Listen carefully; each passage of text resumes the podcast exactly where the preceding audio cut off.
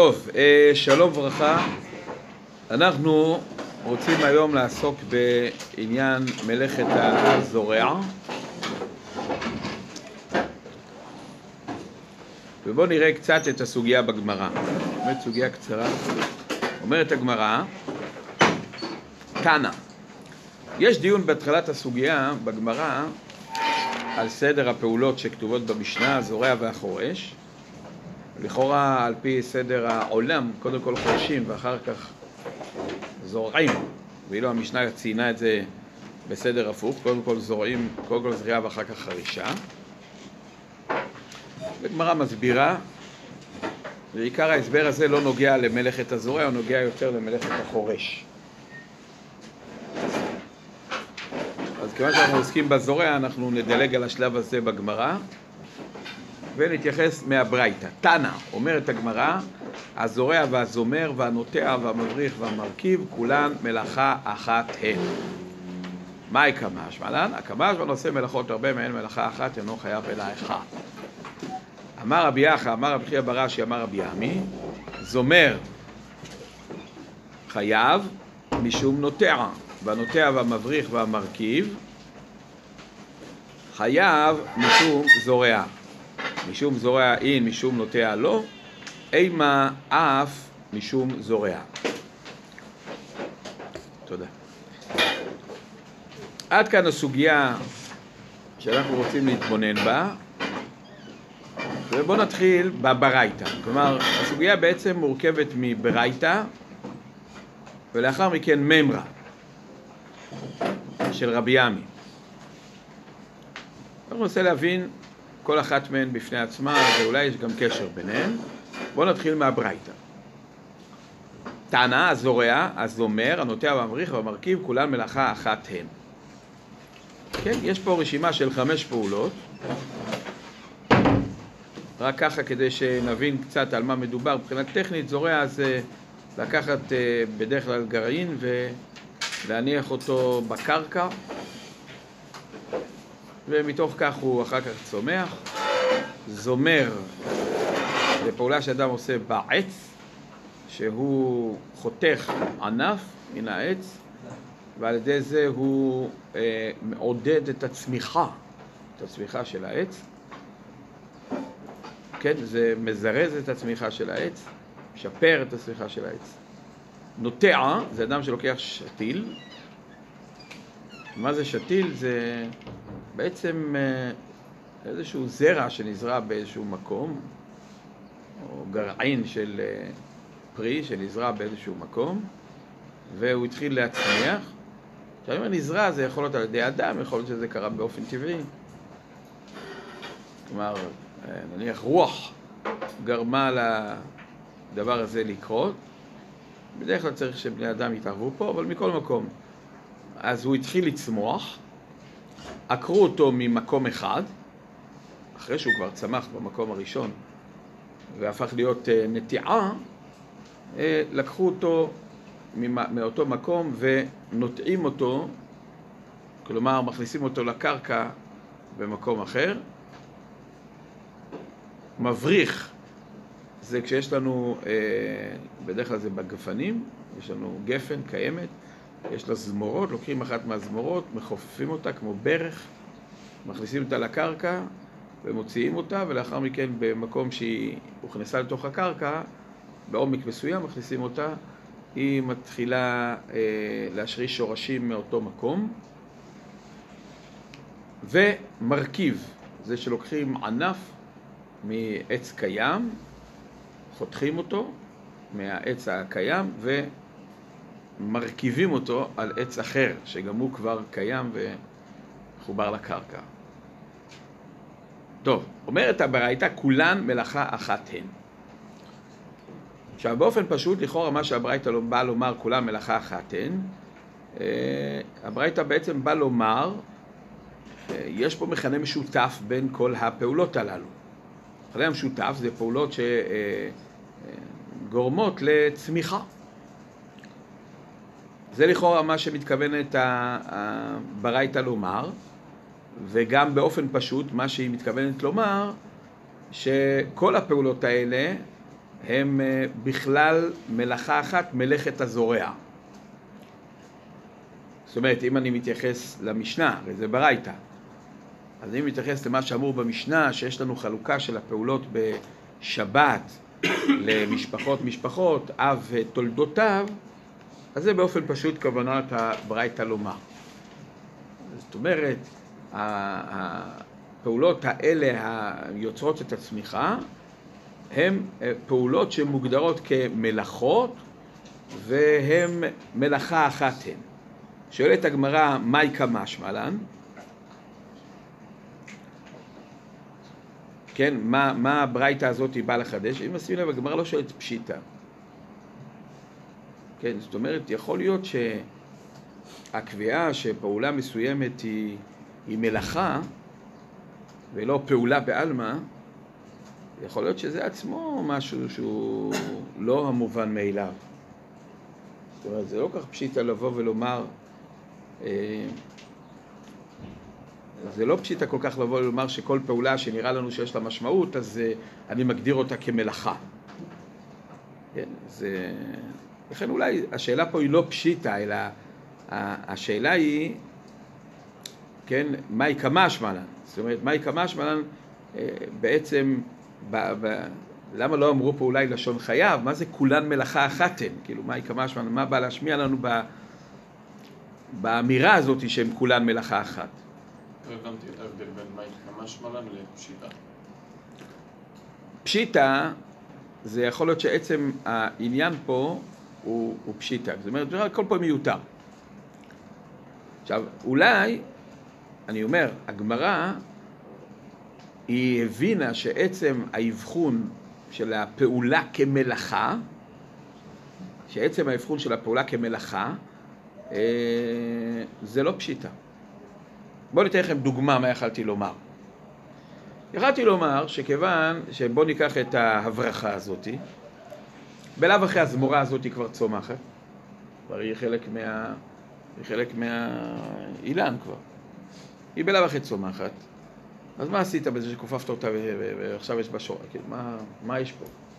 או הרכבה לדוגמה. ובטח אה, אם ניקח את הזמירה, כן? זאת אומרת, בזמירה, אתה מצד אחד אתה, אתה מצמצם את הצמיחה בחלק שאותו הורדת, מצד שני אתה מעודד את הצמיחה בחלק שנשאר. הסך הכולל, זה ברור שזו פעולה שאני יכול לומר שהיא סוג של הצמחה משמעותית. יש מקום לשקול את זה.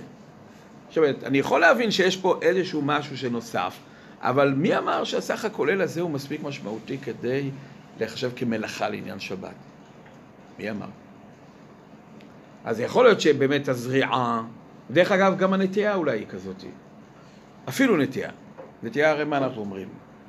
זה דבר שהיה כבר נטוע במקום אחד, בדרך כלל כשעושים את הנטייה, אז זה לא שמוצאים איזה נטיעה זרוקה באיזשהו מקום, עוקרים אותו מהמקום הראשון, ולוטים אותו במקום שני, נכון? הרי הוא לא נוצר יש מאין. ואם אני כבר מבסוט מהמקום שבו הוא נמצא, אני לא עוקר אותו ונוטע אותו.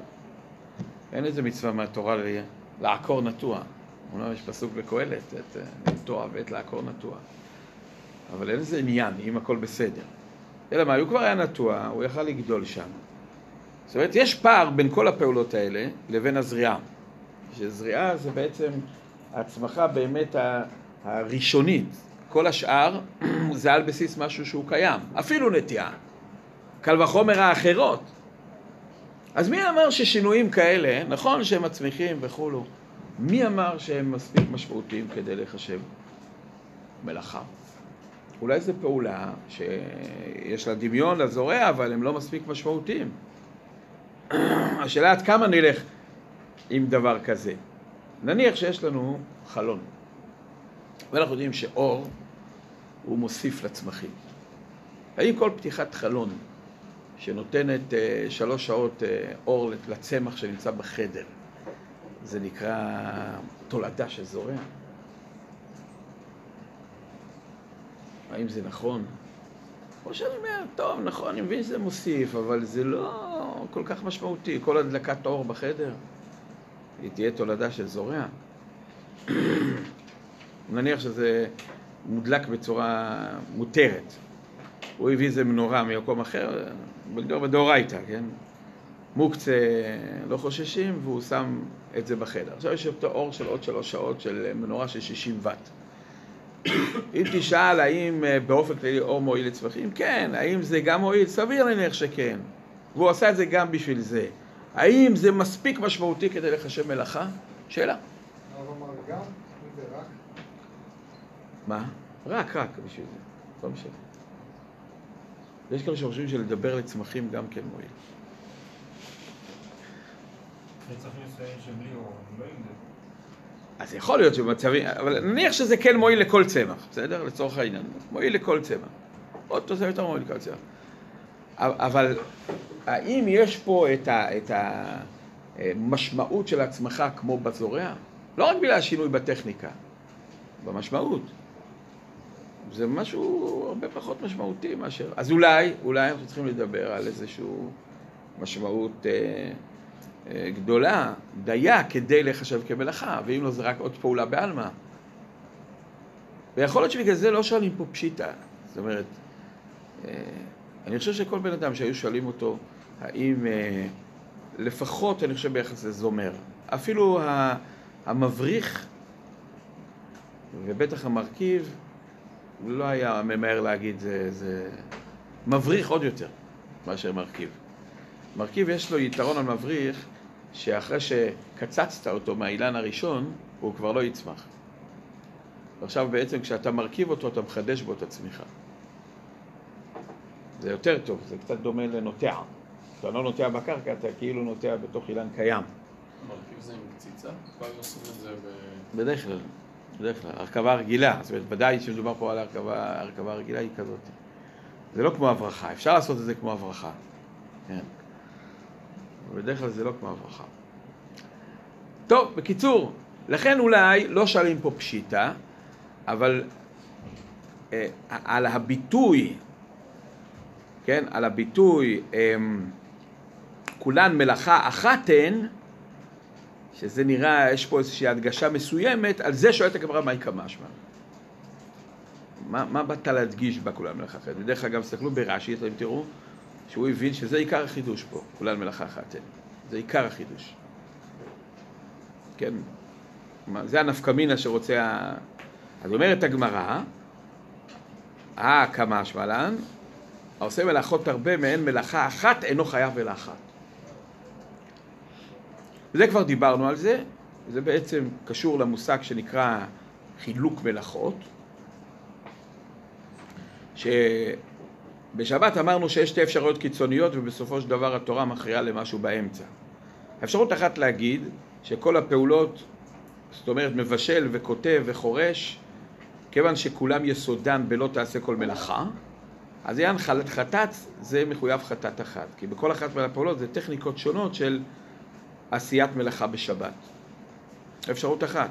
אפשרות שנייה, לומר שכל שוני בטכניקה של הפעולה יחייב חטאת בפני עצמה.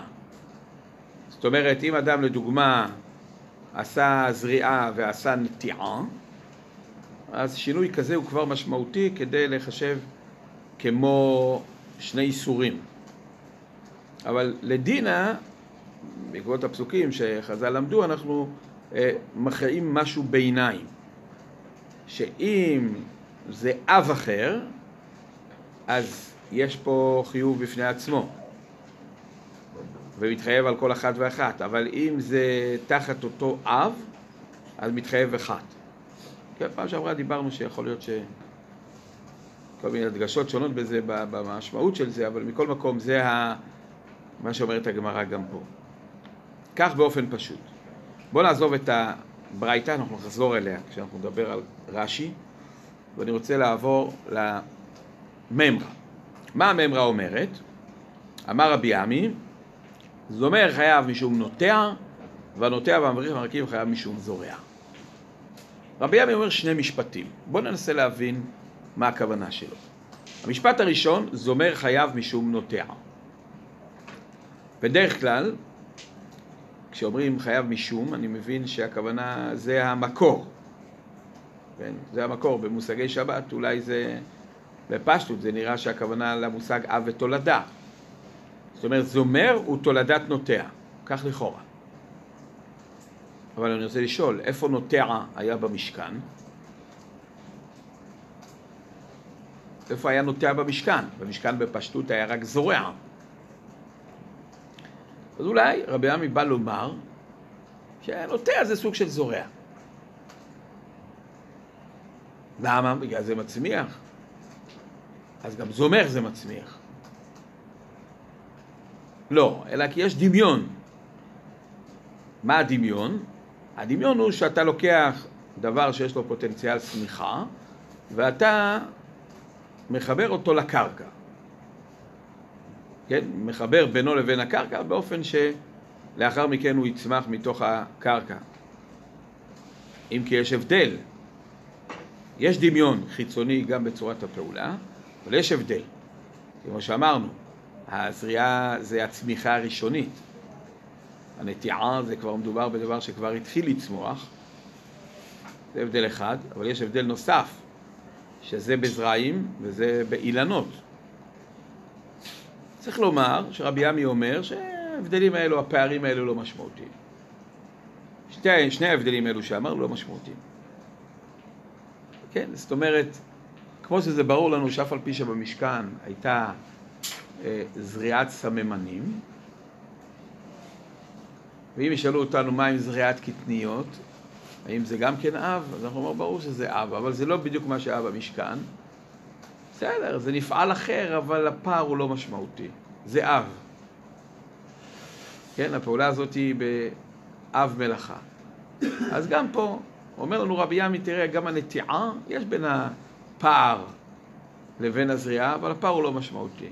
שתי הנקודות האלו שאמרנו זה נקודות הפער, אבל זה לא מספיק משמעותי. אבל זמירה, יש בה פער מאוד גדול, נכון שזה מעודד את הצמיחה ואנשים עושים את זה בשביל, בשביל להשביח את, ה, את הצמיחה, אבל זה כבר פער מאוד משמעותי, לכן אני מגדיר את זה כתולדה. למה הוא הזכיר נוטע ולא הזכיר זורע? הוא הזכיר את הנוטע כי יש פה יותר קירוב בדמיון בין הזומר לבין הנוטע, אבל הנה חינמי, הוא יכל להגיד זורע. כך לכאורה, נכון? בוא נמשיך. כן. למה לא במשכן? למה אני אומר? כי כתוב במשנה זריעה. כן, אה, מה זרעו? זרעו זה סימנים כדי לצבוע את האורות של. כן. זה מיעקב אבינו יש. אני לא יודע מה זה אומר. מסתבר שלא זרעו במדבר. אלא אם אתה אומר, מכיוון שכדי להגיע לסימנים אחרונים צריך לזרוע, לכן זה נחשב שהם זרעו במשכן. על הדרך הזאת גם אפשר להגיד, גם אם זה יעקב אבינו הביא את הבריח התיכון, אבל בכל זאת פעולה שצריך לעשות אותה כדי להגיע למבנה של המשכן. כן, טוב, זה כל חידוש, אני לא יודע. יכול להיות ש... מה הפשט שהם זרעו זה למחרת יום כיפור, זרעו במדבר. כן, יכול להיות שזה, כמה זמן לוקח לזה לצמוח, כאילו, לא יודע, לא נראה לי הרבה זמן, לא? אפשר להצמיח במדבר? במציאות שלהם אפשר הכל, אני כבר לא יודע מה, מה אפשר, מה אי אפשר, במה שהיה שם. יש לך כל יום אוכל, כל יום זה, מכונת כביסה בלי לכבס, לא יודע. כן, לפי מה שהרב אמר עכשיו, אז אנחנו בעצם מבחינים בין אב לתולדה לפי עד כמה שהפער הוא משמעותי? הרב דיבר עכשיו על הפער בין אב לתולדה, או עדיין לא הגענו להבחנה הזאת? לא, אה, זאת אומרת, אם אתה שואל אותי למה, למה החלטנו שהזומר הוא, הוא תולדה והנוטע הוא אב, אז אנחנו קודם כל התחלנו מהשאלה מי אמר שנוטע זה אב. הרי אב לכאורה זה זורע. אז צריך לומר כמו שאמרנו, שבעצם יש פה אמירה שלמרות שזה לא בדיוק מה שהיה במשכן, אלא אם כן נאמר, אה, כמו שהרב שמעון אומר, שברור היה שגם זה כלול במה שאנחנו מגדירים כדבר שהיה במשכן. אבל אולי גם בלי זה, כאילו הפערים האלו לא משמעותיים, לכן זה אב. אתה צודק שהקביעה שהפער בין זומר לזורע הוא פער משמעותי מאוד, עד לכדי שאני לא אגדיר שגם הזומר זה אב. זה כן אפשר להבין, ואני מבין את זה גם מסברה. אחרת מה יהיה הפער בין אב לתולדה?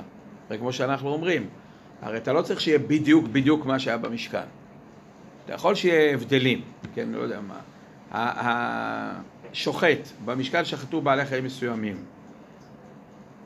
ואנחנו עכשיו נשחט בעל חיים אחר, זה לא יהיה נטילת נשמה, זה אב.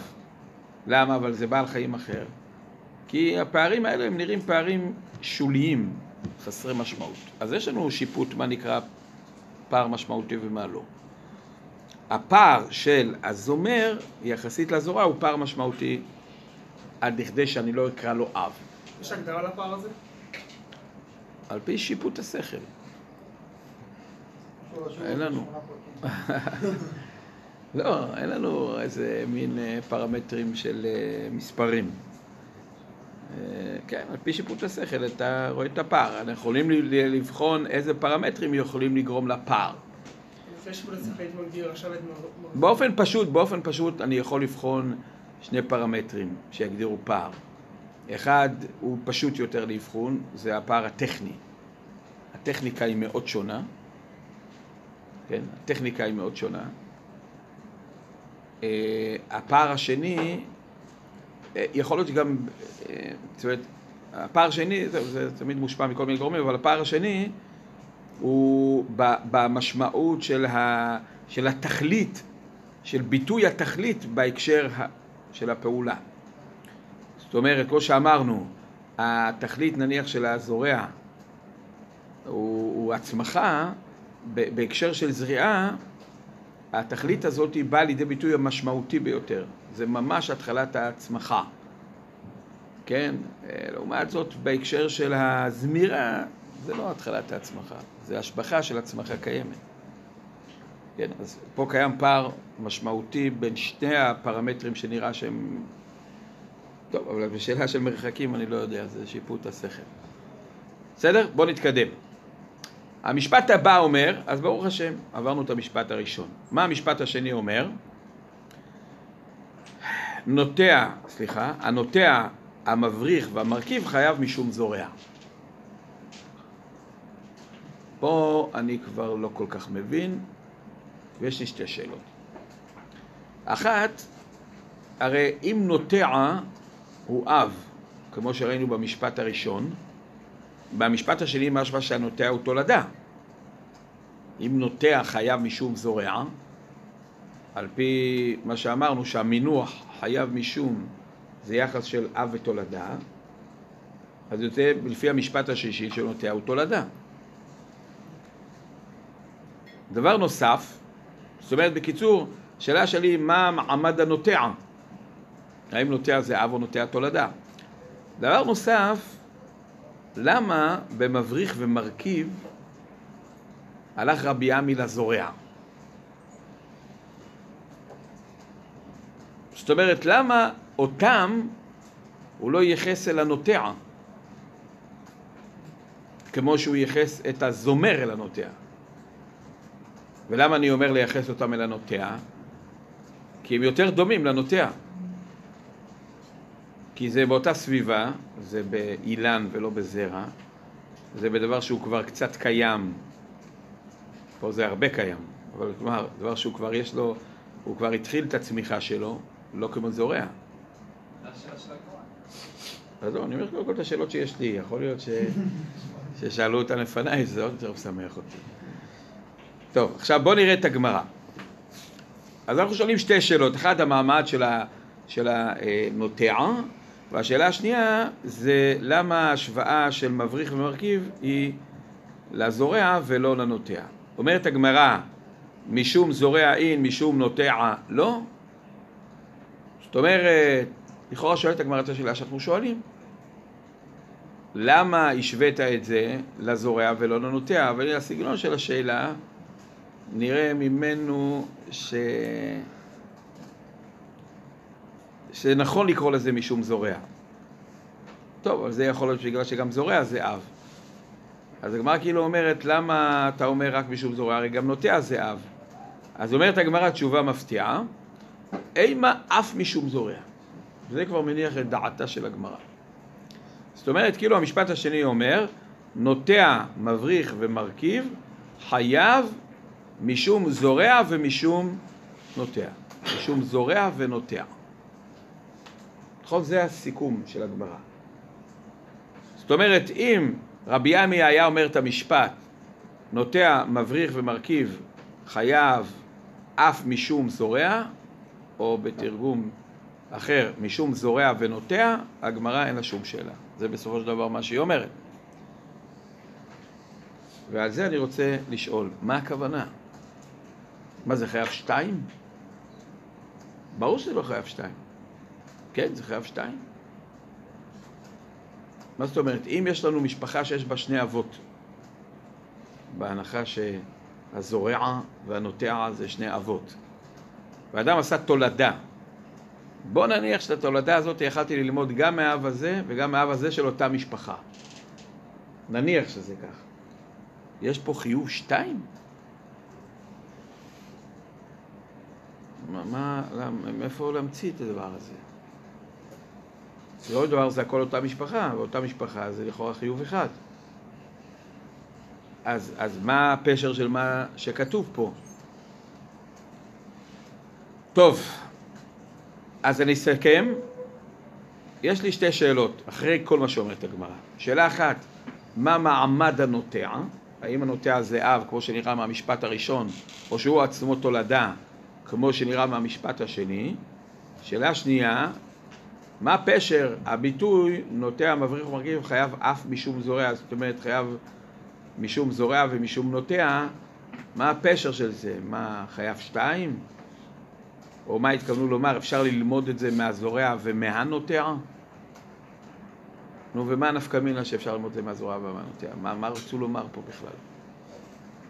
זאת אומרת, לכאורה, המשפט הראשון בא לומר זה תולדה, ויש בזה חיוב, זה לא סתם פעולה בעלמא, זה תולדה. והמשפט השני בא בא לומר ששלושת אלו הם תולדה או של נוטע או של זורע. מה זה נוטע תולדה של נוטע? טוב, חייב רב דחוף. אז בואו, אנחנו הולכים לרב שלנו הקבוע, בואו נראה מה הוא עוזר לנו או לא. בואו נראה. זומר חייב, אומר לנו רבנו, משום תולדת נוטע. זה לצימוך רביד. ברוך השם. זה בדיוק כמו שהסברנו, נכון? שהכוונה, זומר חייב משום נוטע, הכוונה זומר הוא תולדת נוטע. הלאה, עכשיו המשפט היותר מאתגר. ונוטע גופי, וכן מבריך ומרכיב, חייב משום זורע. פה זה מעניין מה הוא יגיד. אומר לנו רש"י, כלומר, אילו נמי זורע הן, זה אב בזרעים וזה אב באילנות. כשרש"י אומר כלומר, אני מאוד אוהב. זאת אומרת, שהוא אומר, אתה צודק, אי אפשר להבין פה את הדברים כפשוטם. זאת אומרת, מה שאנחנו ניסינו, זה להבין את זה כפשוטו, נכון? והיה לנו שאלות, שתי שאלות היה לנו. מה מעמד הנוטע, הוא אב או תולדה? ושתיים, שאלנו מה הפשר להיות חייב אף משום זורע, מה זה אף משום זורע? מה זה חייב שתיים? אז אומר רש"י, כלומר, זאת אומרת, תרגע, לא מסבירים פה כמו הפשט. טוב, אז מה כן? אז בואו נראה מה הפתרון, כלומר, מה המשמעות, אף על פי שזה לא הפשט. אומר רש"י, כלומר, אם הוא נע מזורע הן, זה אב בזרעים וזה אב באילנות. זאת אומרת, המשמעות פה חייב משום, זה לא כמו המשפט הראשון. במשפט הראשון חייב משום, הפירוש הוא, זה תולדה של זה. במשפט השני חייב משום, זה לא הכוונה שיש פה תולדה ואב, אלא הכוונה, הם שניהם אותו עיקרון. זה כאן חייב משום, זה דוחק. במיוחד שהמשפט הראשון חייב משום זה הכוונה תולדה ואב. כן? עכשיו, על פי ההסבר הזה, שהוא לא הפשט המילולי כמו שרש"י בעצמו מודה, שזה לא הפשט המילולי, על פי ההסבר הזה, המשפט השני, בעצם משמעותו זה שכל הפעולות האלה, ככה משמע, נוטע מבריך ומרכיב הם אב. עכשיו, אני לא נכנס כרגע לסברות, אני רק רוצה קודם כל להבין את המשפט. עכשיו, רק נאמר, אם זה הפשט במשפט השני, זה לא הפשט המילולי, אבל זה המשמעות של המשפט השני, השאלה הראשונה ששאלנו לא קיימת, נכון? שאלנו, הרי פעם אתה אומר שנוטע זה אב, עכשיו לכאורה אתה אומר שהוא תולדה, אומר לנו רש"י לא. המשפט השני לא אומר שנוטע הוא תולדה. הוא אמר שנוטע הוא סוג של אב כמו הזורע. על זה עכשיו, לפי זה, מה שאלת הגמרא? משום נוטע לו. הרי המשפט השני לא בא להגיד אב ותולדה, אלא המשפט השני רק בא לומר שכולם אב, כולם כמו זורע. אז מה שואלת הגמרא? רש"י צריך להסביר את זה. משום נוטע לו, המבריך והמרכיב קאי. זאת אומרת, השאלה של הגמרא היא כזאתי, ככה לפי רש"י יוצא. אני מבינה שמשמעות המשפט השני זה לא אב ותולדה, אלא זה בא לומר, זה בא לומר שהנוטע, המבריך והמרכיב הם משום זורע. זאת אומרת, הם סוג של זורע. אז על זה אומרת הגמרא, למה מבריך ומרכיב אתה רואה בהם רק סוג של זורע? זה גם סוג של נוטע. וכנראה פשר השאלה שזה יותר קרוב למבריך ולמרכיב. זאת אומרת, אם הייתי צריך למצוא דמיון, יותר קל למצוא דמיון במבריך ומרכיב לנוטע מאשר לזורע, אז למה אתה לא אומר שהם סוג של נוטע? טוב, בואו נראה את הפתרון אז, אחר כך ננסה להבין מה הגמרא רוצה לומר בסוף. אימה אף משום זורע. דאך זריעה באילנות, והיא אביד לי בעד אזורע מחייב חטא ותו לא. והיא אביד לי בעד אזורע, אז נטפל בזה בהמשך, אבל לפני כן, מה שאומר לנו רש"י, אומר לנו רש"י שמה שכתוב פה אף משום זורע, המשמעות היא שזה סוג של זריעה באילנות. כן, זאת אומרת, זה פשיטה שזה סוג של נטיעת אילן, אבל זה סוג של זריעה באילן. טוב, זה מה שהמשפט השני בא לומר. אז נשים לב, לפי רש"י, שני המשפטים הם, רבי עמי משתמש באותו ביטוי, אבל הוא מתכוון למשמעות אחרת. במשפט הראשון הוא מתכוון לאב ותולדה, חייב משום הכוונה זה התולדה וזה האב, ומפה הסיק רש"י, מפה הסיקה גם הגמרא, שנוטע זה אב, לכן אי אפשר להסביר את המשפט השני כפשוטו, אב ותולדה, כי המשפט הראשון אומר שנוטע זה אב, אז חייב משום במשפט שני, צריך להסביר, זה סוג של. זה סוג של. אז אומרת הגמרא, מה המסקנה ביחס לפשר של המשפט השני, שנוטע, מבריך ומרכיב זה סוג של זורע. ונוטע, כן? זה אפילו סוג של זורע. עכשיו, השאלה... הגמרא כאילו... השאלה מה המשפט הזה בא לומר. מה נפקא מינה בזה? אז מה נפקא מינה לדינה במשפט הראשון? זה שחייב, ש, שזמירה זה לא סתם פעולה, זה מלאכה, זה תולדה. אבל מה המשפט השני בא לומר? זאת אומרת, מה בא להדגיש רבי עמי בזה שהוא אמר לנו נוטע, מבריך ומרכיב זה סוג של זורע. מה הוא בא לומר שזה סוג של זורע? אז כמו שאתם רואים, רש"י בעצמו התקשה.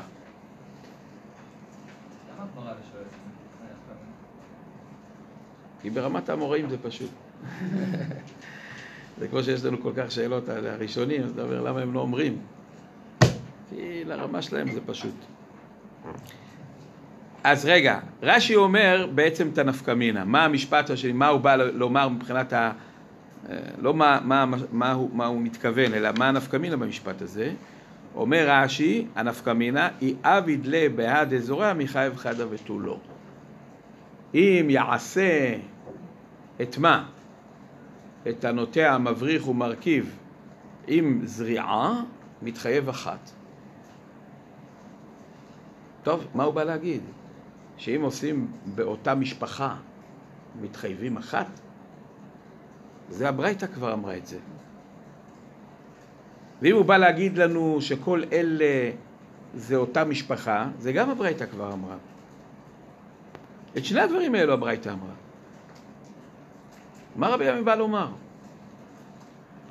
עכשיו, פשוט, על פי מהלך הדברים של הגמרא, יכול להיות שרבי ימי לא ידע את הברייתא. יכול להיות שהוא לא ידע את הברייתא. אבל על פי מהלך הדברים בגמרא, נראה שהדברים של אה, רבי עמי הם דברים אחרים מאשר מה שהברייתא בא לומר. זאת אומרת, זה לא שהוא חולק על הברייתא, אבל זה דגש אחר מאשר מה שהברייתא בא לומר. כי רואים מהגמרא שהגמרא לא מציגה את היחס בין רבי עמי לבין הברייתא. זאת אומרת, היא לא מציגה שיש פה סתירה, היא לא מציגה שיש פה הוכחה, לא שום דבר. אלא היא מציגה את הברייתא, מציגה את רבי עמי, וכאילו אומרת, הנה עכשיו תבין לבד כל אחד מהם מה הוא בא לומר. הברייתא באה לומר את מה שאמרנו מקודם, כולן מלאכה אחת הן, שהפעולות האלו הן מלאכות, והן כולן אותה משפחה, ואם עשה את כולן, מתחייב רק חטאת אחת, למרות שהוא עשה חמש פעולות, ורבי עמי בא לומר את מה שהוא בא לומר. אבל מה בדיוק הנפקמינה במה שהוא בא לומר? לא ברור. אז רש"י כן אומר שאם עשה אותם בעד אזורי, אבל אנחנו אומרים מה זה עוזר לנו, זה כבר מה שנאמר קודם לכן, ומהגמרא נראה שיש פה משהו אחר. בואו נעבור לרש"י למעלה, כולן מלאכה אחת הן, אומר לנו רש"י, דזומר נמי דצימוך אילנה הוא, כן, מתמקד בזומר, למרות שהברייתא אמרה גם נוטע, גם מבריך וגם מרכיב. ונפקא מינה דאי עביד לכולן בהדה זורע לא מחייב אלא חדה. אתה עושה מלאכות הרבה וכולו וכולו. זורע מלאכה ונוטע נמי אב מלאכה, הוא דהיינו זורע, זה זורעים זה בן אוכל, מבריך ומרכיב, זה אב מלאכה, אבל זומר תולדה. טוב, יש פה ברש"י משהו שצריך לשים לב אליו. מה זה הדגש של רש"י ונפקא מינא די עביד לכולן בהדה זורע? למה הוא מדגיש בהדה זורע? במיוחד לאור מה שהוא אומר, שגם מבריך, מרכיב ונוטע זה אב, אז מה הדגש פה שאם עשן כולן בהדה זורע? וגם, בהמש... במה שראינו בדברים שאמר רבי עמי, הוא הדגיש את הזורע. ויעביד בהדה זורע, מחייב חדה ותו לא. מה הוא בא להדגיש בדבר הזה?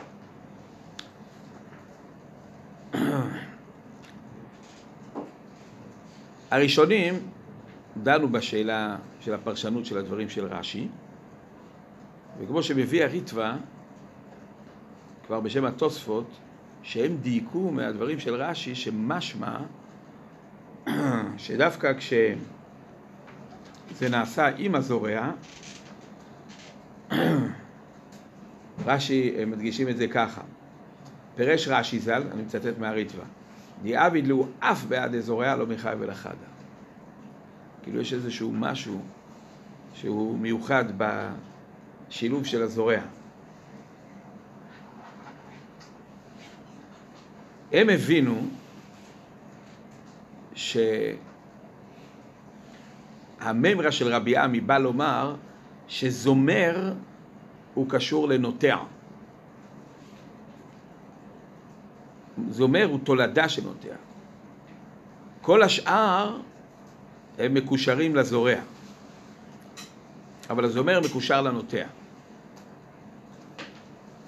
ומה הוא בא לומר? שאם יעשו את הזומר והזורע, יתחייב שתיים. כי זומר מקושר לנוטע, הוא לא מקושר לזורע. אבל אם יעשו את השאר עם הזורע, אז באמת יתחייב אחת. שאלו התוספות, הרי הברייתא אומרת שגם אם עושים את הזומר והזורע חייב אחת. וברור שרש"י מסכים שזה כוונת הברייתא, ויותר מזה הוא אומר שזה החידוש של הברייתא. אז השאלה, מה הוא בא לומר? אומר הריטב"א, שרש"י הבין שיש פה נפקא מינה לדינה. אני אגיד את זה במילים שלי. לדינה, אם אדם יעשה זומר וזורע, יתחייב אחת, יתחייב שתיים. אם אדם יעשה זומר, זורע ונוטע, או כל אחת מהשאר, בטח אם נוטע, הוא יתחייב רק אחת. זה מה שכתוב בברייתא, שאם עשה את כולן, חייב אחת. בדגש, לא רק זומר וזורע, אלא יש צורך גם בשאר. לפחות באחת מן השאר, לכל הפחות בנוטע. עכשיו צריך להבין. קודם כל יוצא פה חידוש שלא חשבנו עליו עד עכשיו. עד עכשיו, אחרי שאמרנו שאנחנו מחלקים את העניין של המלאכות לחילוק חטאות למשפחות משפחות, היה נראה כך על פי הגמרא במסכת בבא קמא, שכל שתי פעולות מאותה משפחה, אם זה שני אבות באותה משפחה, אם זה אב ותולדה שלו באותה משפחה, בפשטות, על פי רש"י בצדיק ו', אם זה שתי תולדות של אותו אב, הכל חייב חטאת אחת. וההיגיון, שכיוון שיש פה אותה טעות, זאת אומרת, יש פה טעות בהחשבת האדם, בשגגה שלו, שפעולות הצמחה, נניח בהקשר שלנו, מותרות בשבת. רש"י בא לומר שרבי עמי מחדש שזה לא נכון לומר שאין פיצול בתוך המשפחה. אני אומר את זה במילים האלה. גם בתוך המשפחה ייתכן שאדם יהיה חייב שתיים. עשה שתי מלאכות. מאותה משפחה ייתכן שאדם יהיה חייב שתיים, אם יש פער, יש מרחק בין שתי הפעולות. אמנם יש מכנה משותף, ולכן אנחנו רואים אותם כבאים מאותה משפחה, אבל אם יש מרחק ביניהם, מרחק גדול ביניהם, אז יהיה חייב שתיים. זה לא אותו אלם. לא. יש לי אלם שזורע. אז ממני שאני זורע? לא, זה לא בהכרח אותו הלם. אני אסביר, אני אסביר את המושג חילוק חטאות, צריך להבין אותו בצורה קצת יותר מורכבת. חילוק חטאות, לכאורה המשמעות הפשוטה שלו, זה שאתה בוחן את הטעות של האדם, ואתה אומר, האם גם בפעולה השנייה שהוא עשה, בעצם זה נובע מאותו חסרון ידיעה, או שהפעולה השנייה זה צריך ידיעה נוספת. זאת אומרת, לכאורה המבחן, שגם אם הוא יודע על הדבר הראשון שהוא אסור, עדיין הוא יכול לחשוב שהדבר השני הוא מותר. ולכן, אם לדוגמה אדם אכל חלב וחלב, אחרי שנודע לו שהחלב הוא אסור, אז בעצם הוא אמור היה לא לאכול עוד פעם חלב, כי נודע לו כבר שהחלב הוא אסור. אז בעצם יש פה אותו חסרון ידיעה שהוא משותף לשתי הפעולות. מה שאין כן, גם אם יוודע לו, בכל אופן זה לא יתיר לו, לא יאסור לו את הפעולה השנייה, אז זה מביא שתי חטאות, כמו נגיד חלב ודם. גם אחרי שיוודע לו שיש איסור דם, עדיין הוא יתיר לעצמו לאכול חלב. נכון כך לכאורה באופן פשוט. אלא מאי? אם אנחנו מגדירים כך, אני חושב שלגבי שבת, הדבר הזה הוא יהיה מסובך לנו קצת. בוא נניח שאדם עשה, אה, ניקח את הזורע. עכשיו אנחנו יודעים על פי רש"י לפחות, שזמירה זה תולדה. הוא עשה, וזריעה זה אב. הוא עשה זריעה בשבת. לצורך העניין אמרו לו שאסור לזרוע בשבת. האם בכך שהוא יאסור לעצמו לזמור בשבת? לא בכך. כי זה שהוא יודע שאסור לזרוע, זה לא יגרום לו לש... לומר שאסור לזמור, כי אתה צריך להוסיף לו עוד מידע.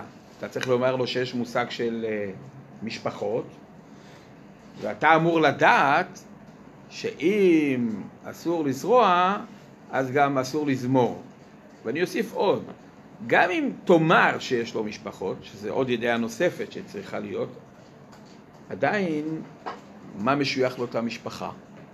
זה לא בלתי פשיטה שכל דבר לשייך אותו למשפחה הזאת, כי הרי אמרנו שיש מינונים מסוימים של קשר שאנחנו צריכים למצוא כדי להגדיר שהם מאותה משפחה. אז האם נכון לומר שביחס למלאכות שבת יש לנו באמת מה שנקרא כפשוטו, אם נקבל את המידע על הפעולה הראשונה, אז בהכרח זה מידע שיש בו מספיק כדי שהאדם יבין שגם הפעולה השנייה אסורה? אגב, גם להפך. בוא נניח שהוא עשה את הנטיעה קודם, את ה... סליחה, את הזמירה קודם. ובאו ואמרו לו, אסור לזמור בשבת. האם בהכרח שהוא ידע מפה שאסור לזרוע בשבת? קודם כל ברור שהוא צריך לדעת שיש משפחה, הרי אם אין משפחה מי אמר? אולי זמירה אסורה ואולי... וגם אם יש משפחה, אפשר להגיד כל מיני סברות, למה דווקא הזמירה לאסור ולא לאסור את הזריעה. אולי כי הזמירה זה דבר שבני אדם עלולים לעשות אותו, לכן התורה אסרה אותו. אבל זמירה זה, זריעה זה בלאו הכי, הם מבינים, התורה אומרת שבתון, אז כולם מבינים שלא זורעים. אבל זמירה זה משהו יותר אה, עדין מאשר זריעה. אז אפשר להגיד כל מיני סברות למה בני אדם, גם אחרי שהם יודעים את הדבר הראשון, לא בהכרח שהם ידעו את הדבר השני.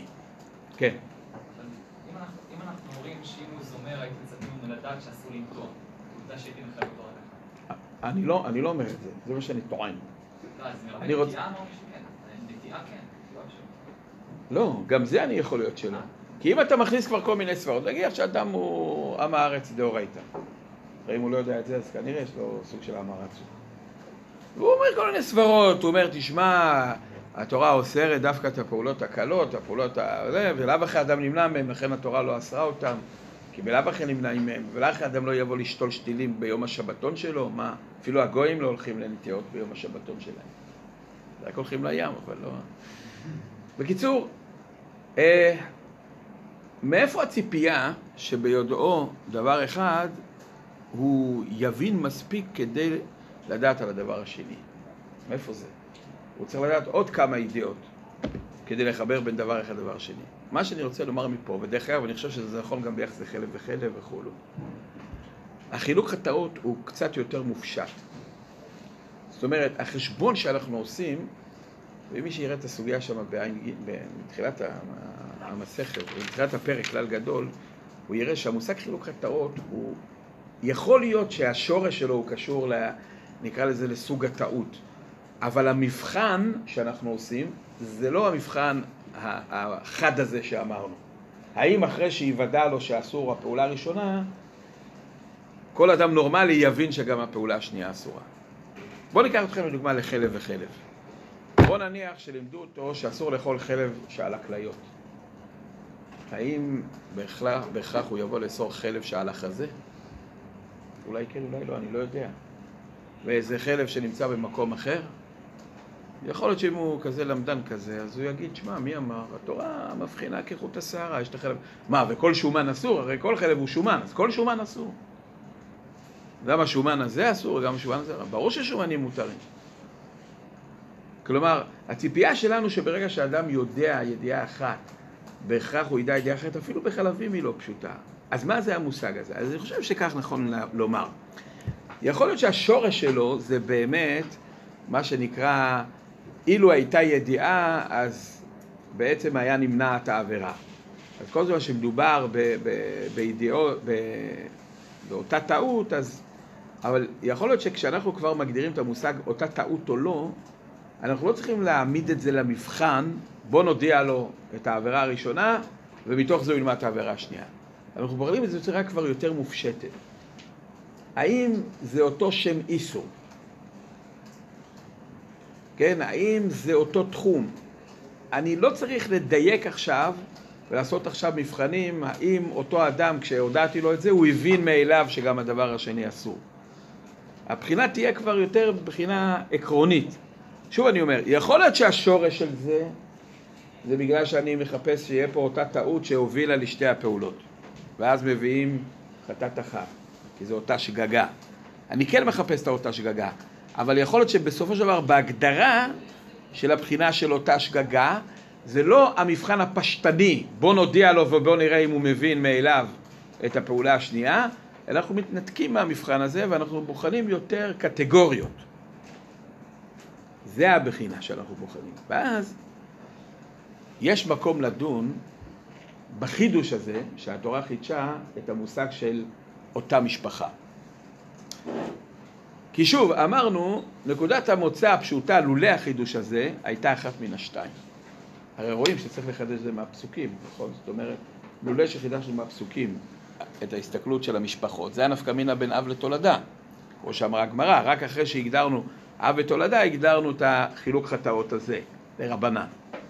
אבל לולא זה, היינו כנראה הולכים לאחת מן השתיים, או שהיינו אומרים שיש את המכנה המשותף הכללי הגדול, הכל זה מלאכה, שוב, גם פה זה קטגורית, הרי ברור שעצם זה שהודעתי לו שאסור לחרוש, הוא לא היה לומד מפה מסברה שאסור לבשל. זה, זה, זה שני עולמות. אבל זה קטגורית אותה עבירה. יש לו כאילו טעות שקשורה לאותו נושא. רק השאלה מהו הנושא. האם הנושא הוא הנושא הרחב שנקרא לא תעשה כל מלאכה, או להפך, הנושא, יש את הקצה השני, הוא כל פעולה ופעולה כשלעצמה, כי כל פעולה היא לעצמה. אחרי שלמדנו אבות ותולדות, למדנו שיש פה משהו באמצע, מבחינה קטגורית. יכול להיות שבא לומר רבי עמי, ואולי זה מלמד שלולא החלוקה למשפחות, היינו אומרים לא את הכל מלאכה הכללי, היינו הולכים לומר שכל פעולה היא לעצמה. כמו שאתה יודע שיש חלב, יש ידיעה נפרדת שיש דם, אתה יודע שאסור לזרוע, אתה צריך לדעת ידיעה נוספת שאסור לנטוע, או ידיעה נוספת שאסור, אם נגיד זה ממש היינו אח, אז שאסור לזמור. זה מה שהיה לולא החלוקה למשפחות. השאלה אחרי החלוקה למשפחות, כמה התרחקנו מה, מהעניין הזה? האם כבר אין שום משמעות לשונות בין הפעולות, למרחק הזה? כי קטגורית אנחנו הולכים למשפחות, זה מה שקובע את החילוק, או שאם בתוך אותה משפחה אני אמצא פער מש, משמעותי בין הדברים, אז גם לאחר החידוש של החלוקה למשפחות, אנחנו נשארים בזה ש, ש, שיש פה חילוק משמעותי, וזה כמו עוד קטגוריה לעניין חילוק, חילוב חטאת במלאכות שבת. כן. מהחילוק שהרב עושה, משמע שלכל הדין חלקים וחפצה, כלומר יש פה משהו שלא קשור לבן אדם. אחד... אז לכן אמרתי, יש פה משהו שמטעה, אני לא, חושב, אני לא אומר את זה בעקבות הסוגיה הזאת, אני חושב שזה נכון. אני כן חושב שהמושג העלם ושגגה וכולו, וכל הדיון האם זה אותו הלם או... או הוא, הוא כן מתחיל בסופו של דבר מידיעת האדם. אני כן מסכים. אבל רק מה שאני טוען, שאחרי שאנחנו מגדירים את אה, מה שנקרא את ההגדרות המשפטיות בזה, מה מגדיר לי הלם אחד או שני הלמות, אני לא צריך לעשות, אני לא הולך למבחן המסוים, כן, שאני מודיע לו את זה ואני רואה מה הוא מבין דבר מתוך דבר. בסופו של דבר ההלכה בהגדרה של הלם או שתי הלמות היא מוגדרת על פי קטגוריות. האם זה אותה קטגוריה או שתי קטגוריות נפרדות. נכון שהשורש של זה זה הטעות של האדם, האם זו אותה טעות או שתי, או שתי ידיעות נפרדות. אבל השאלה אם זה אותה ידיעה או שתי ידיעות נפרדות, אנחנו כבר לא בוחרים את המבחן, בוא נבחן אם נאמר לאנשים את זה, הם יבינו את זה מזה. אלא אנחנו מגדירים את זה כתחומים שונים, וזה כבר מספיק כדי לחייב שתיים. למרות שיכול להיות שבני אדם אולי כן יכלו ללמוד דבר מדבר. או להפך גם. גם אם הם לא יכלו ללמוד דבר מדבר באופן פשוט, אבל זה אותו תחום, אז אני רואה בזה כאותה קטגוריה לעניין חילוק חטאות. זה אני חושב בלי קשר לסוגיה הזאת, זה מי שלומד את הסוגיות של חילוק חטאות רואה שזה, שזה העניין. דרך אגב, הרי רבי אליעזר שאומר שמבחינתו אדם שאכל, אה, אה, שעשה במלאכות שבת, אה, אפילו אב ותולדה שלו, ואפילו דברים שהם ממש דומים. ויש מאן דאמר ברבי אליעזר, שיטת רבה, שאפילו אדם עשה זורע וזורע. בשתי פעולות שונות, שני זמנים שונים, באותה שבת. אבל לא בבת אחת, הוא מתחייב, אחד, הוא מתחייב שתיים. עכשיו, איך אפשר להבין את זה? הרי פה ודאי שמדובר באותה טעות. זו אותה טעות, מה, אם הוא יודע שאסור לזרוע, אז הודענו לו, אז, אז גמרנו, אז הוא כבר, אה, זה, זה, זה אותה שגגה בדיוק. זה רק בגלל שהוא לא ידע. זה השיטה הזאת גם חלב וחלב, או שגם משהו מיוחד לשבת? לא, זה בשבת. חלב וחלב, אתה שואל, חלב וחלב, אם יחיל גובת אחד או שתיים? כן. אומר, בשיטה הזאת, שאומר שזרע וזרע זה שתיים, אז גם חלב חלב וחלב, אחד אחרי השני זה שתיים. וצריך להיות בתמחוי אחר לכל מיני דברים שמחברים. כל העניינים האלה מראים, כמו שאנחנו אומרים, שהבחינה היא לא הבחינה הפשטנית, בוא נספק לו מידע ובוא נראה מה זה ישפיע. אלא זה נכון שאולי מתחילים משם, אבל בסופו של דבר מבחינה הלכתית, מה שקובע זה הקטגוריה. עכשיו, יש כל מיני דברים שהם יכולים ליצור חילוק, או שם איסור שונה, כן? זה דוגמה, או פעולה שונה, או הקשר שונה. כל אלה יוצרים חילוק לעניין חטאות, בסדר? זה רק מה שיש לנו לומר. כך נראה על פי שיטת רש"י. אבל לא יוצא שיש לנו יותר מהם כתבות, ככה? למה? האבות זה האבות. זאת אומרת, אם תשאל מאיפה אתה יודע, ש... מאיפה אתה יודע שיש אה, איסור דאורייתא בזומר, התשובה היא רק אחרי המושג אב מלאכה ותולדה, וזה כתוצאה מזורע. נכון. אני לא משנה את זה, זה סברה מסוימת לעניין חילוק חטאות. היא לא קשורה למושג אבות ותולדות. אם אמרנו שכל המשמעות הרבנן זה השאלה... זאת אומרת, המצאנו את המושג הזה לשם העניין... עכשיו. תסייג את זה, חוץ ממצבי קצה. חוץ ממצבי קצה. זה מצב קצה. בסדר? זה מה שאומר רבי עמי כך לפי רש"י.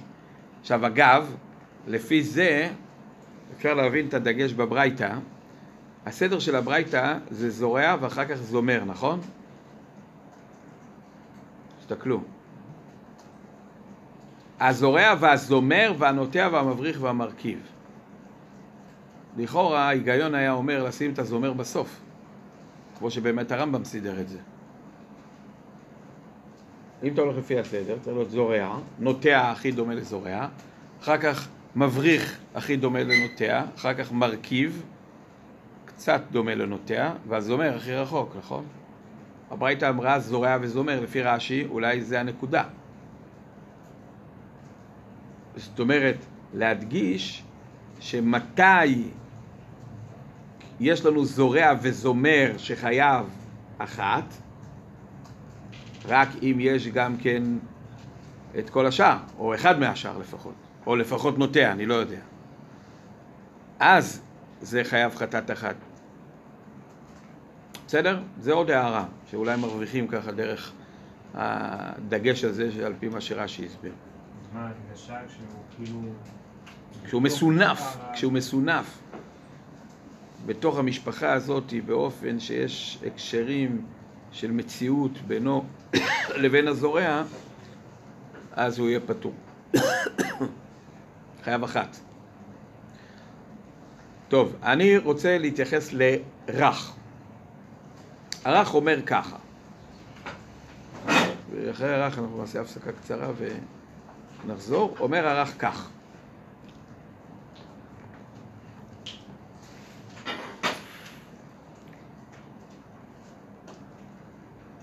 וכל העושה אב ותולדתו אינו חייב אלא אחת.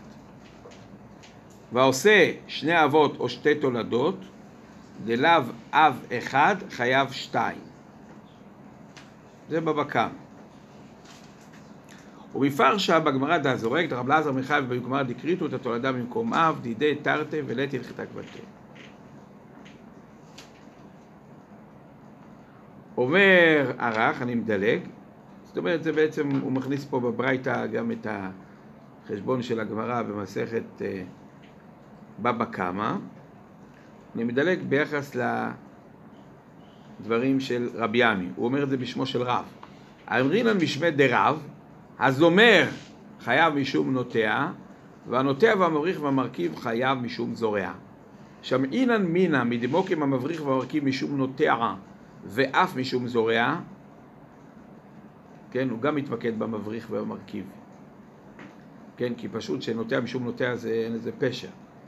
דיש תולדה לתולדה. יש תולדה לתולדה. וכולן נכנסים, נכללים בכלל אב אחד. הנוטע ולד הוא של זורע, כי הנוטע נועץ ייחור של אילן בארץ, הוא מתגדל, כגון המפיל הזרע לארץ וצומח. והזומר, המקום שזומר באילן מתגדל, המקום ההוא מוסיף פירות, הוא נמצא כנוטע, לפיכך אמרינן בזומר חייב משום נוטע, ואם הוא זומר, טוב, חייב משום נוטע. נראה שלפי הרך רבי עמי בא להדגיש דגש אחר. קודם כל נראה שיש נפקא מינה בינו לבין רש"י פשט הרך, אם כי יכול להיות שהרמב"ם למד אותו אחרת. בהקשר הזה, של הנקודה הזאת, מה אב ומה תולדה, נראה מדבריו שרק הזורע זה אב וכל השאר זה תולדה. כולל נוטע. בסדר, זה כבר ויכוח בשאלה של מרחקים. כדי להגדיר אב ותולדה, לא ניכנס לזה, זה לא ויכוח דעתי מהותי כל כך. בסופו של דבר אנחנו מכלילים את הכל בכלל האיסור, רק השאלה במינונים של המרחק שנגדיר אב ותולדה. אבל עיקר ההבדל בין רש"י לרך זה בשאלה מה כוונת רבי עמי. לפי הרך, רבי עמי בא ללמד איך בונים משפחה. זה בעצם מה שהוא בא לומר. זאת אומרת, מה הייתה צורת החשיבה של חכמים שהם הגדירו מה כלול במשפחה המסוימת. ורבי ימי בא להראות לנו את צורת החשיבה המדורגת הזאת. ולפי זה זה מופלא. כמה זה מדויק המשפט השני. כלומר, במשפט הראשון בעצם הוא בא לומר, הנה בוא תראה, יש דמיון מספיק משמעותי בין הנוטע לבין. לבין הזומר, זה הכוונה זומר לך משום נוטע. זה לאו דווקא במובן של אב ותולדה, במובן של נוטע הוא אב בהכרח. כי מיד המשפט השני אומר לנו שאותו נוטע, אם מבריך ומרכיב, חייב משום זורע. זאת אומרת, והוא שאל את השאלות הפשוטות ששאלנו, אז מה המעמד של הנוטע? ומה כמה שמלן שחייב אף משום זורע? זאת אומרת, והכוונה היא לומר איך משתלשלת המשפחה הזאת. זאת אומרת, אחרי, לא נוכל לראות את הזומר תולדה ישירה של זורע, כי יש מרחק ביניהם. אותו מרחק שמצביע עליו הרך, לפי ההסבר שלו, רש, גרם לרש"י לומר שיש פה איזה חידוש ונפקא מן הדין על חילוק החטאות הזה, כמו שאמרנו. וזה עיקר החידוש של רבי עמי. אבל לפי הרך זה לא עיקר החידוש של רבי עמי, אלא רק להראות לנו איך אפשר להכליל במשפחה גם פעולות שמול האב הבסיסי הן רחוקות, אבל מול תולדה מוכרחת שלו הן קרובות ולכן הוא ייכלל בתוך המשפחה. עכשיו, מה הקמה שמלן שהמבריך והמרכיב והנוטע משום זורע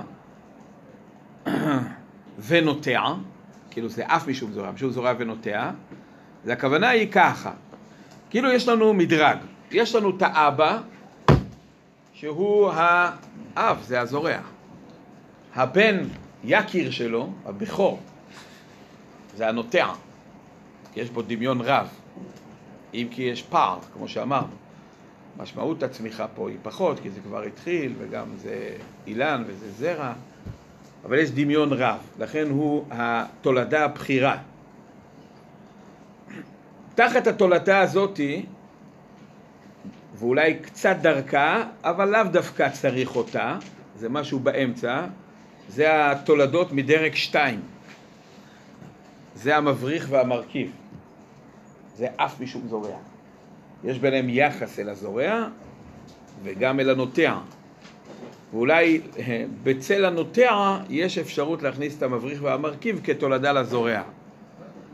לא כתולדה לתולדה. זהו, למה הרב אומר שהעובדה שהמבריך והמרכיב דומים גם לנוטע וגם לזורע, כלומר, אילו, אילולא היה נוטע נניח, מבריך ומרכיב היה פער גדול. אבל אחרי שיש נוטע, אז זה מכניס אותם להיות בדמיון יותר לזורע. מורכבת. כן, מסובכת קצת. כן. ושנייה רגע, רק הבן מהדרג השלישי זה כבר נכד. בן החורג. זה לא בן חורג, זה נכד. לכן הוא קורא לזה תולדה לתולדה. זה חידוש עצום, תולדה לתולדה. זה לא כמו החידוש השני. חידוש השני, אתה אומר, כשאני הולך לשאול האם יש פה קשר, אז אני יכול דרך פעולה מתווכת לראות קשר. דרך פעולה מתווכת לראות קשר. לראות קשר אל מי? אל הזורע. זה במבריך ובמרכיב. זה אף משום זורע. אבל הזומר, כן יש לו כבר נתק, הוא נכד. זה נקרא תולדה לתולדה. כן? לכן זה החידוש, שיש דבר כזה. זה לא תיווך, כן? זה לא תיווך בחשיבה, כן? בהקשר האסוציאטיבי בין המבריך מרכיב לזורע, דרך הנוטע אני יכול לראות קשר. פה אני לא אראה קשר בין הזורע לבין... אני לא אראה, גם דרך הנוטע אני לא אראה. אבל כמה שמנן שיש תולדה לתולדה. שאפשר להרחיב את המשפחה עד לנכדים. גם? נינים יש אפשרות. שלום? דבר ראשון, יש דבר כזה נינים? עד לאיפה נלך? אני לא יודע. נראה לי שלא. הוא כאילו, זה בא להראות לנו עד לאיפה אפשר ללכת. נראה לי. כי הוא מבין, כך בפשטות, שתולדה לתולדה זה חידוש. זה כבר רחוק מדי מהאב. רק עכשיו אנחנו מחדשים שיש מושג של תולדה לתולדה, אז אני יכול... שאלה שנייה לדינה, מישהו קיבל את? תולדה לתולדה? מה זה לדינה? הוא, הוא לא אמר שום דבר, הוא אמר משהו עיוני.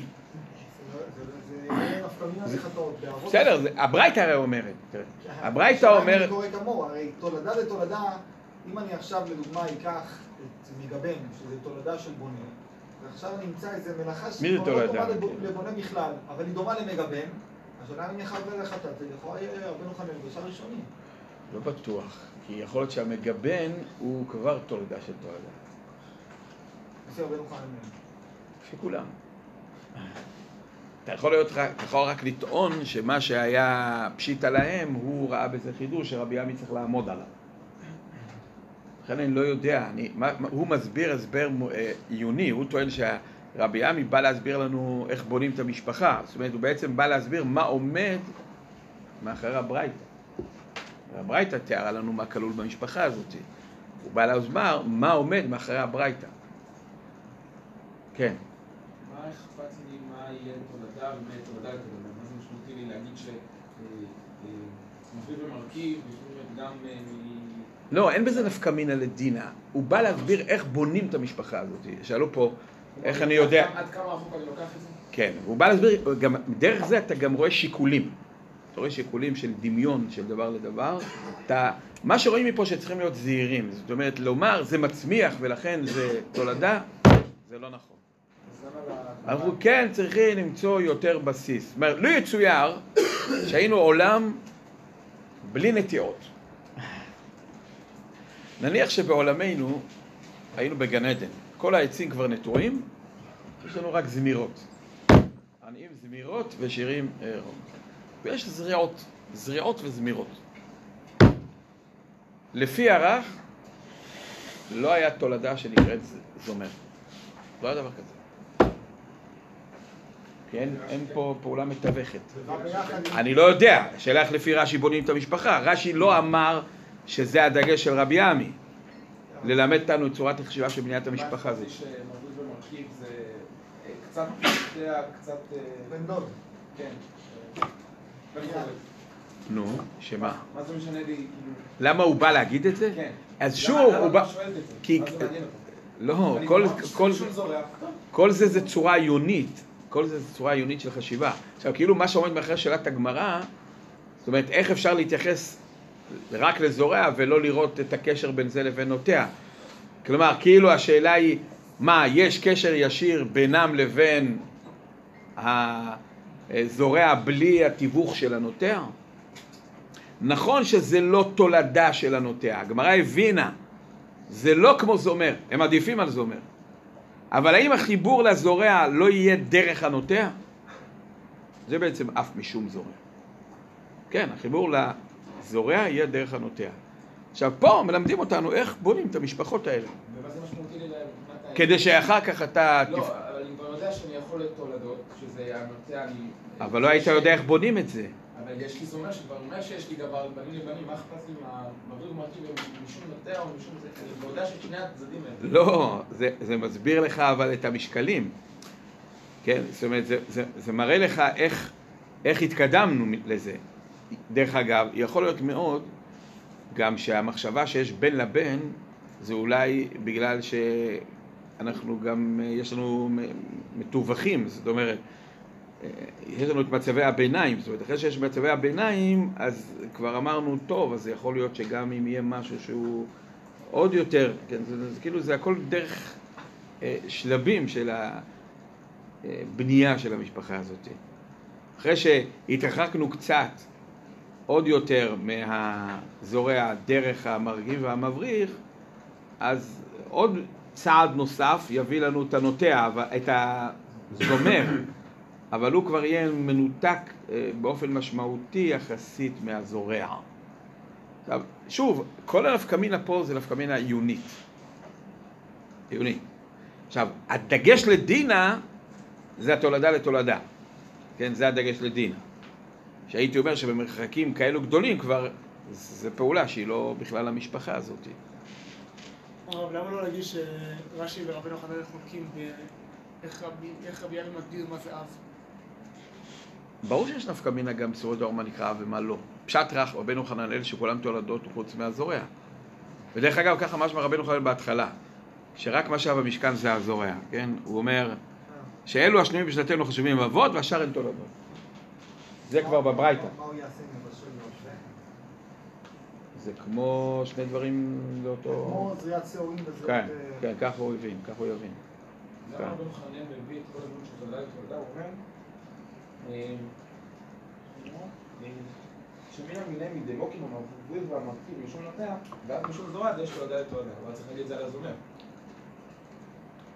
כן, זה, זה, זה הכוונה, כאילו, אחרי שהוא מבחין, אחרי שהוא עושה הבחנה, שאלו משויכים לזורע, וזה משוייך רק לנוטע, אז אתה רואה שיש תולדה זה לתולדה. נשמע משהו באמת דווקא ממבריד ומרכיב. של- נכון, אחרי שהברייתא, אחרי שרבי עמי עושה את החילוק הזה, אתה יכלת להגיד שזה רק צורת ביטוי כזאת, בסדר? זאת אומרת, אחרי מישהו נוטע, זה, זה הכוונה. אחרי מישהו נוטע, זה הכוונה, זה הוא במשפחה. והוא לא דק. המשפט הבא, שהוא עושה כבר את ההבחנות של הדמיון הקרוב יותר והדמיון הפחות קרוב, הוא לימד שה... הרי הוא יכל להגיד, אם, אם הדגש הוא לא תולדה לתולדה, אז הוא היה מביא את כולם. הוא היה יכול להביא הנוטע, המבריך, המבריר, המרכיב והזומר, חייב אף משום זורע. למה הוא לא אמר את זה בצורה כזאת? זה מה שגורם לי להבין שהמשפט הראשון זה בא לומר את התולדה לתולדה. רק אחרי המשפט השני אני יודע את זה. ממש בסדר. רוצים הפסקה פה. ממש, ממש, הפלורסנטים. זו בכלל גם כן. הגמרא. כותבת המדרש, יאיר.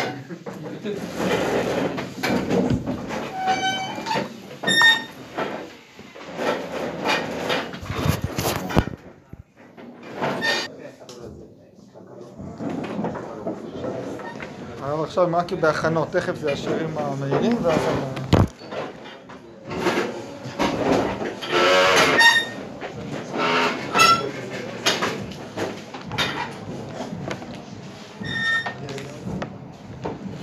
טוב, אה, מה? אתם הלב שלכם כבר עמוק בפנים. טוב, רמב"ם.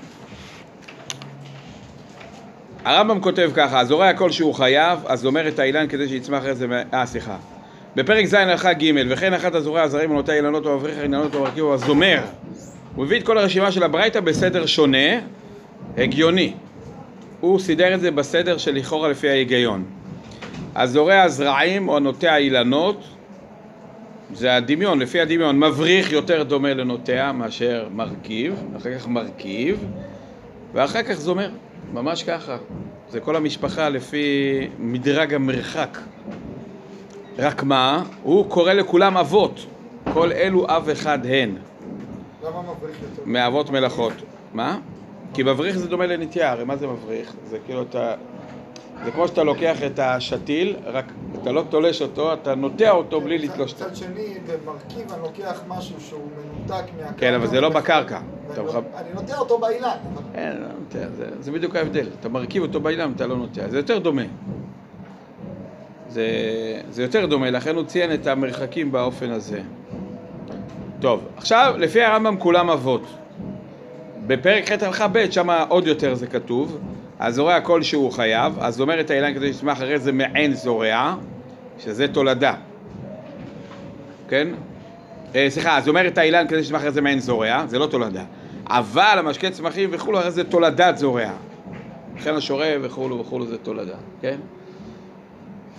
אז משקה זה תולדה, וזומר, כשהרמב"ם כתב מעין זורע, כאילו הוא לקח את הקצה, על פי פרק ז' ג', לקח את הקצה ואמר, זה עדיין מעין זורע. אבל משקה זה כבר שונה. עכשיו, למה משקה זה, זה, זה שונה? אז באופן פשוט נראה, זאת אומרת, לכאורה יש צד במשקה שיותר דומה לזורע מאשר הזומר. כי במשקה אני הולך אל, ה, אל הזרע או לצמח עצמו, אבל עיקר הפעולה של האדם זה בתנאים לצמיחה. מה הוא עושה במשקה? הוא פועל לקרב את המים. זה הפעולה, הפעולה היא במים. הפעולה החיצונית, כן, התכלית שלו היא ודאי כדי להצמיח, כן, היא, כדי שזה יגיע לזרע או למה שלא יהיה שם. אבל זה, זה מבחינת. מבחינת הפעולה הוא לוקח את המים ומקרב אותם אל הזרע. זאת אומרת, הנפעל, לא הסופי שלו, הפרקטי שלו, המפעל המעשי שלו, זה המים. זאת אומרת, הוא עסוק בש... בשיפור התנאים. לעומת זאת, בכל אחת מהפעולות, הוא, הוא עסוק בצמח עצמו, כולל, כולל הזומר. ולכן, אפילו הזומר, אם כי הוא בקצה, אתה יכול לראות אותו כ- כאב.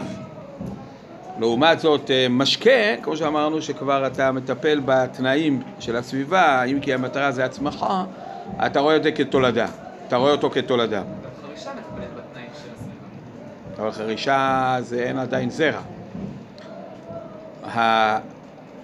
ההשקיה זה בתנאי הסביבה בהתייחסות לזרע עצמו, או לצמח עצמו. זאת אומרת, אתה לא מטפל בסביבה עצמה. לכן לדוגמה, הגמרא במסכת, אה, הגמרא במסכת מועד קטן, במשקה לזרעים, היא דנה אם זה אולי חורש כבר, כי זה כבר אה, אולי רק הסביבה. אבל אם אני רואה את זה כזורע, אז אני רואה את זה כ... כמשהו שהוא, אה, יש לו מספיק יחס אל הצמח, אבל זה לא באותה איכות של יחס כמו הפעולות בצמח עצמו. פיזור עפר מעל אה, זרע. זה זריעה או ש... אני נראה לי שזה יהיה חורש, אבל אני לא סגור, נראה לי שזה כבר יהיה חורש. למה? כי זה, העפר הזה הוא מתמזג עם הקרקע. הש- השאלה, הוא נדבק למה? לצמח? לקרקע, לא? זה כאילו פעולה בקרקע כבר. המרחקים לא תמיד ברורים, אבל הנטייה שלי להגיד זה חורש. זה יותר משבוע שעבר. אולי זה, שאלה זה לפני, זה שלושה שבועות, שלושה שבועות בישיבה, עושים, משהו. עושים משהו,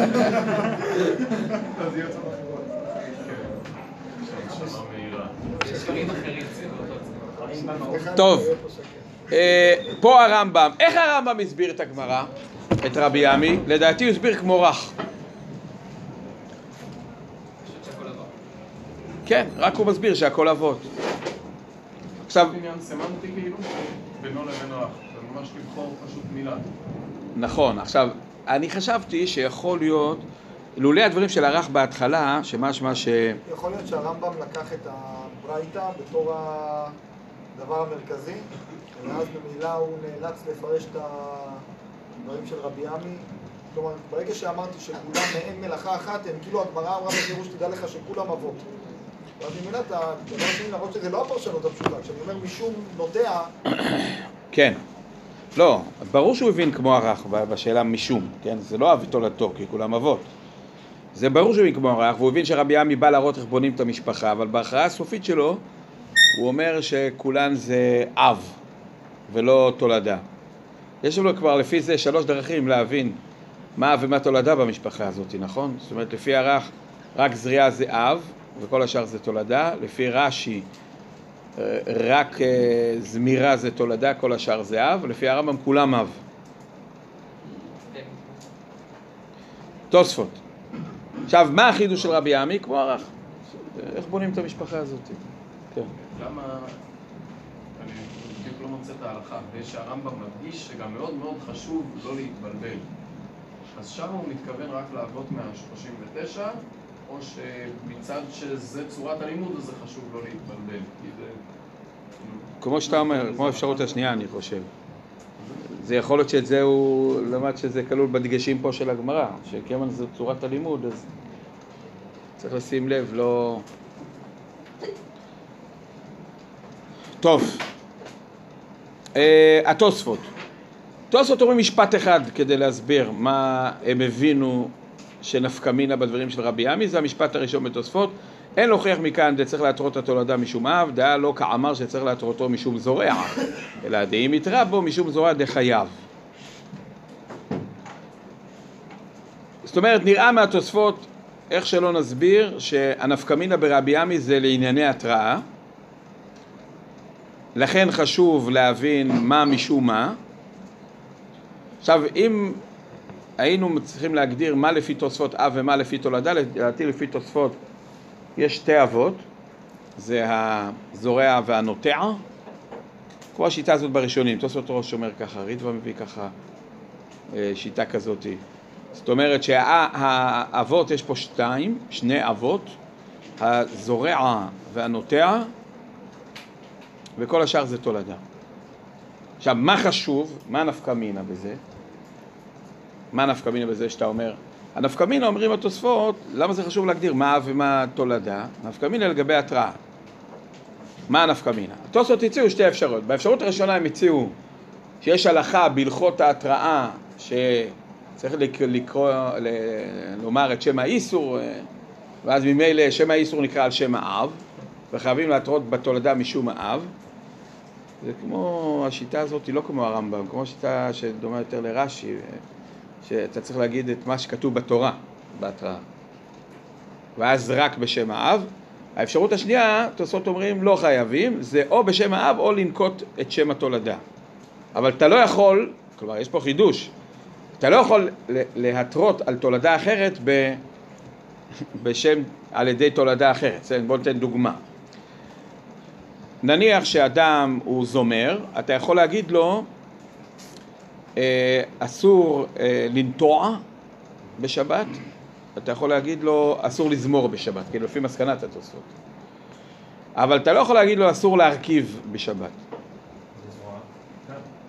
ו- וביחס לזרוע, אז זה אני לא בטוח שאפשר, אבל השאלה למה אי אפשר. אז יש אפשרות להבין שאי אפשר כי זה חוכא כאילו. זאת אומרת, האדם מתעסק עם עץ בלזמור אותו, אז אתה אומר לו אל תזרע, כאילו. ולכן לא הביאו פה את הזומר בכלל הזורע, רק זומר בכלל הנוטע. זה הרב מציע את האפשרות הזאת בתוספות? זה נראה שהם מעלים את זה רק בהמשך. כן, אבל זה, זה, יכול להיות שזה היה, אה, שזה שיקול שהוא פשוט שהוא נכון, רק השאלה אה, עד כמה ללכת איתו, כן? זאת אומרת, באיזה הקשרים לומר אותו. בתולדה, אה, זאת אומרת, התראה שתראה כחוכא, או שהיא לא תהיה מובנת בשום מקרה, אז אה, כמו שהוא לא מבין את השפה. אז זה ברור שהיא לא עשתה את התפקיד שלה. אבל כל עוד הם לא אמרו את זה, וזה יותר נראה שהדיון הוא מצד התקינות. נכון, אבל אני אומר לך שגם זה נכון לקחת אותו בחשבון. והם ידעו שלא יכול לקחת אותו בחשבון, רק השאלה באיזה פערים לוקחים אותו בחשבון. כן, אה, זורע, בורא ומרקד, נגיד שזה ממש דומה, זה לא היה ברור להם להגיד שאם אמרתי למישהו שהוא מרקד, אסור להיות זורע בשבת. כאילו, כי הקשר הוא ממש דומה, אבל פה יש מרחק אולי גדול מדי, וזה פשיט עליהם היה שזה לא אפשרי. טוב, מכל מקום, זה אפשרות, או שפורמלית אתה צריך להתרות, גם אם אנחנו רואים משום האב, משום האב הישיר יותר. כן, והאב הישיר יותר של הזומר הוא הנוטע ולא הזורע. כלומר, אחרי שגם הנוטע הוא אב, ויש הלכה מבחינת אה, פורמליות של ההתראה שהיא צריכה להיות בשם האיסור, אז שם האיסור הקרוב יותר הוא המשמעותי, ולכן דווקא משום נוטע. במרכיב יש לי שתי אפשרויות. כן, באמת, כי המרחקים הם, הם מצטמצמים. כן. זה ככה שזה מצד התקינות הפורמלית, זאת אומרת שכן יש איזו משמעות, אני אקרא לזה אובייקטיבית, להגדרת אבות ותולדות. אחרת, למה זה תקין משום זה ולא משום זה? כי זה רק שם האיסור, דווקא הפוך, יכול להיות, חשבתי שאם האב זה רק מקור, אז זה כאילו התורה כותבת, נניח כאילו התורה כתבה במפורש, לא תעשה אה, זריעה וחרישה ואת כל הל"ט, זה פסוק אחד, לא תעשה כל אלו ותולדותיהן, זה פסוק שני. ואז אתה שואל, איפה בתורה יש לי אזכור של האיסור הזה? אז בת... עכשיו, כל זה לא כתוב מפורש, אבל אנחנו מתייחסים לזה כאילו זה כתוב. אז בהנחה שההתראה צריכה להיות דווקא על הדברים דרך מה שכתוב, צריכים להזכיר איפה, את המקור בתורה, אז זה נחשב כמו שהזכרת את המקור בתורה. עכשיו, כל זה יכול להיות שהוא לא נכון, כי שום דבר לא כתוב. אבל זה מה שהתוספות אה, מעלים בכל הדיונים שלהם לגבי ההתראה, את הנקודה הזאת. ומאיפה שורש הרעיון הזה? זה משמר משום מים מטרינן בה, שפשט המילולי שם, שצריך להתרות בו משום הזורע או משום הבורר, זאת אומרת, לא משום מה הוא חייב, אלא משום מים מטרינן בה, משמע מה הלשון שצריך להשתמש בה בהתראה. כי יש הלכה בהלכות ההתראה שלא די לומר שאסור, אלא ננקוב בשם האיסור כפי שהוא כתוב בתורה. לא. ואז יכול להיות שזה לא מהותי, זה רק כאילו יותר כתוב. לא, על נוטע, אבל נוטע הרי לא כתוב, אפילו בפסוק שהרב הציע. למה? יהיה כתוב. לא כלול בתולדותיהם ולא... הוא כן כתוב, כן. לא, הוא כן כתוב. כמו שכתוב זורע, כמו שכתוב אה, מבשל ואופה ומבשל, הרי גם מבשל לא כתוב במשנה. כתוב אופה. נכון? לא כתוב מבשל. אז כמו שכשכתוב אופה הכוונה גם מבשל, כי זה כמו חיטים ושעורים, או כמו... אז גם כשכתוב אה, זורע הכוונה גם נוטע, זה היינו הך. זה לא מסביר איך אני לא יכול. כלומר, שאם אני אתריע משום זורע, זה יהיה לא תקין. נכון, גורם- כי... או. אז פה אני אומר אחת מן השתיים. אם נלך לפי האפשרות שזה מבחינת המרחק, ב... זה, לא, זה לא נראה התראה טובה בגלל ה... שהוא לא יבין דבר מדבר, בגלל המרחק. נראה כ... כ... אז זה יכול להיות שזאת הסיבה. אם נגיד שאתה הולך לדבר כפי שהתורה אה, כתבה אותו, אז אם נניח שאני רואה את כולם כתובים, נניח שאני רואה את כל האבות כאילו כתובים, אז אה, אני הולך ואני שואל את עצמי, באיזה אופן התורה כתבה שאסור לזמור? היא כתבה את זה בלא לנטוע. היא לא כתבה את זה בלא לזרוע. כי הלא לזמור כתוב יותר בלא לנטוע מאשר בלא לזרוע. ולכן אני אתרה דווקא בלא לנטוע. בסדר? טוב. אז זהו, בזה סגרנו את כל האפשרויות בראשוני ביחס לעניין הזה. אני רוצה להיכנס להגדרה יותר של המחייב במלאכה הזאת. אני רוצה לעשות קצת הקדמה, אבל ניקח את זה דרך הזורע. אנחנו דנים בשאלה מה ההתרחשות במציאות שצריכה לקרות כדי לחייב את האדם על זריעה. כלומר, כדי לומר שהוא עבר לאיסור דאורייתא, לעידן חיוב, חטאת בשוגג, מזיד אה, כרת או סקילה.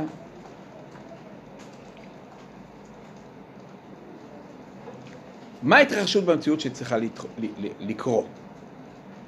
או במילים אה, יותר פשוטות, מה התוצאה של הפעולה שלו שהיא המחייבת אותו?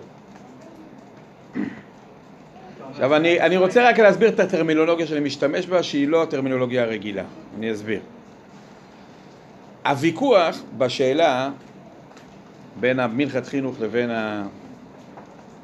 בין חינוך לבין הרשש. שהרשש אומר, הזורע מתחייב ב- מחמת ההשרשה. ואילו המנחת חינוך אומר, לא, הזורע מתחייב גם לפני ההשרשה. כן, גם בלי השרשה. אז העולם רגילים להציג את הוויכוח בשאלה האם החיוב זה על הפעולה או שהחיוב הוא על התוצאה. אני לא חושב שזה ניסוח נכון.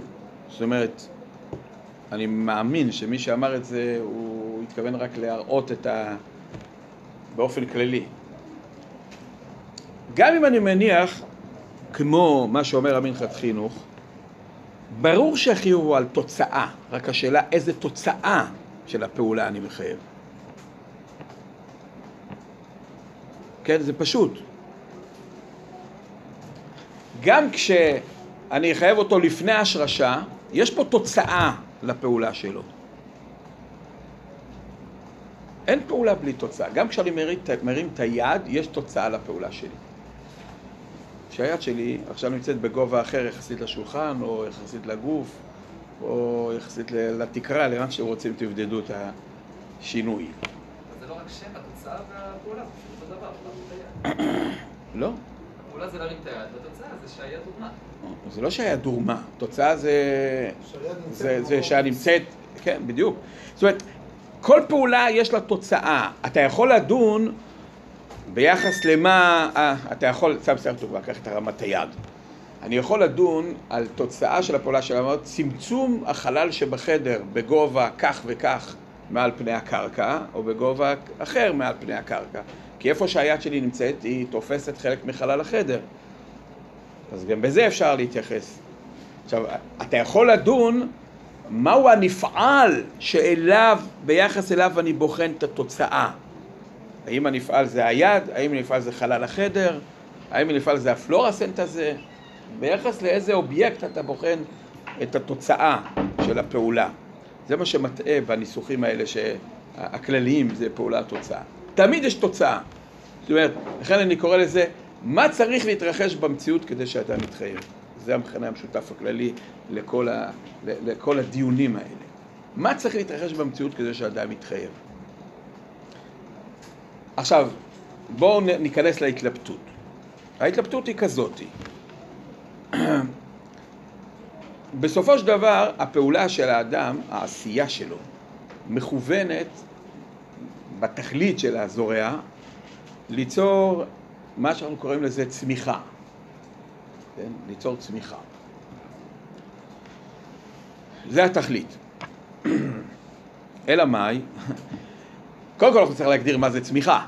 כלומר, בואו נתחיל מזה שאם יש לנו גרעין, בואו ניקח את הפעולה הקלאסית של זריעה. אם יש לנו גרעין שהוא שם בתוך הקרקע, האם בזה שעכשיו הוא נמצא בתוך הקרקע יש לי צמיחה? בואו נגדיר מה זה צמיחה, שזה התכלית שאנחנו רואים בה כהיא משמעותית. אז מה זה צמיחה? אני יכול להגיד שבשלב הזה יש לי גרעין שמוטמן בקרקע. הצמיחה שאני מתייחס אליה זה סוג של השתנות שצריכה להיות פה, נכון? שאני אני מכוון את המעשה של האדם ליצור איזושהי השתנות. ההשתנות צריכה להיות במה? בגרעין הזה, נכון? איזה השתנות אני, אני מגדיר אותה כצמיחה? הרי השתנות שאני מגדיר אותה כצמיחה היא השתנות שהיא תהליך שיש בו כל מיני שלבים. חלקם נראים וחלקם לא נראים. נכון? זאת אומרת, השלב הראשון הנראה זה, קוראים לזה השרשה. זאת אומרת שההשרשה היא לא נוצרת ב, ב, ברגע אחד, זאת אומרת, אלא יש משהו שכנראה מתחולל בתוך הגרעין עוד לפני שהוא מכה שורשים. טוב, אבל זה דבר שאני לא רואה אותו בחוש. אבל את הכאת השורשים שלנו אני יכול לראות בחוש. אני פשוט יכול לחפור, ואז אני רואה, הנה משהו שהשתנה פה. שהגרעין מתפרק לפני. ה- הנרקב, הנרקב זה לא בשלב הזה. ההתפרקות שלו זה בשלב יותר מאוחר, כשהוא מתחיל להצמיח את, את הגבעול מתוכו, אז הוא... גם פה יש ריאקציה כימית, ברור שקורה בו משהו. הוא כבר לא אותו דבר, עוד לפני, שאני ראי, לפני שיצאו השורשים החוצה.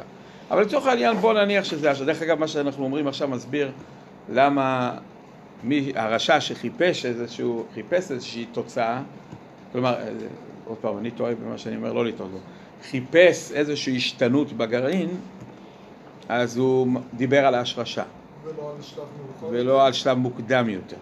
אבל למה הוא לא הולך לשלב מאוחר יותר? הרי כל חקלאי שהגרעינים שלו ישרישו ויגידו לו, זהו, די, נמאס לנו. הוא לא יהיה מרוצה, נכון? הוא יגיד, הזריעה שלי לא הצליחה. למה? כי הוא לא מכוון את זה רק להשרשה. הוא מכוון את זה שזה יצמח ויגיע לשלב הסופי שלו. חיטה מלאה.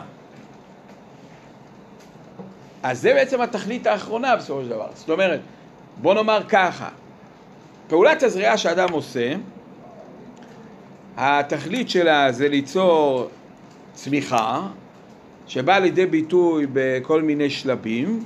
בשלב הראשוני שאני יכול לראות שיש פה צמיחה ניכרת באופן משמעותי, זה השלב של ההשרשה. אבל יש גם שלבים נוספים. עכשיו, השאלה הבסיסית שאנחנו צריכים לשאול את עצמנו, כיוון שיש פער בין תום הפעולה המעשית של האדם לבין התכלית שאליו הפעולה הזאת מכוונת, שזה הצמיחה מבחינת הנראות של הצמיחה הזאתי, זה שאלה מתי אני מגדיר שאירעה התרחשות שמחייבת את האדם. עכשיו, בפעולות אחרות, מלאכות אחרות, ברובן אין לי את ההתלבטות הזאת, כי זה קורה בו זמנית עם תום הפעולה, באים כאחד עם, תום, עם הפעולה עצמה. לדוגמה, כתיבה. הרושם של הכתב, לא האות השלמה. האות השלמה זה דבר שמתפזר, אבל, שמצטבר, סליחה. אבל הרושם של הכתב הוא נוצר, כן, מיד עם תנועת היד של האדם, עם החומר על גבי הגיליון, מיד נוצר פה הרושם של הכתב. אותו דבר גם בבונה. מיד עם תום פעולת האדם, או באים כאחד עם הפעולה עצמה, יותר נכון להגיד באים כאחד, סיבת תוצאה פילוסופית זה אחד אחרי השני, כן, אבל בפועל, איך שזה נראה לנו, זה, זה קורה ביחד. אני עושה את הפעולה, ועם הפעולה קורה התוצאה. כן, קורה את ההתרחשות שאליה מכוונת המלאכה. אז שמה לא תהיה לנו התלבטות, זה ברור. שההתרחשות המחייבת זה הראות הכתב, או המבנה המתהווה, הנוצר. בפעולה כמו שלנו, בזריעה, יש פער. האדם מסיים את הפעולה, את העשייה המעשית שלו, ועדיין לא נוצרה התוצאה המבוקשת. זה מעורר את ההתלבטות. האם אני אומר שכיוון שמסתיימת העשייה של האדם, אז, אז מבחינתנו פה קיימת, קיימת כבר סיבת החיוב שלו, או שנאמר לא, לא קיימת עדיין סיבת החיוב עד שתיווצר איזושהי תוצאה מסוימת של העניין שאליו מכוונת הפעולה. ואז הוא מחפש איזשהו רושם כזה שיהיה... עכשיו, נדגיש גם, גם אם נלך לכיוון לומר שבתום הפעולה של האדם אני מחייב אותו, גם פה יש תוצאה. רק התוצאה לא תהיה השינוי שאותו מכוונת הפעולה ליצור. התוצאה תהיה התנאים לשינוי התכליתי, כאילו הסופי של הפעולה. זאת אומרת, התוצאה של מלאכת הזורע, של פעולת הזריעה, שהיא המחייבת, תהיה יצירת התנאים. לכן אמרתי, תמיד יש תוצאה. או שנאמר שהתוצאה המחייבת היא השרשה או איזשהו שלב בצמיחה. עכשיו אני אומר, למה ללכת לצמיחה בכלל? למה להחריג את זה?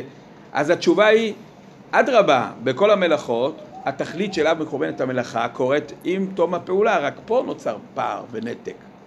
השאלה מה אנחנו עושים במציאות כזאת.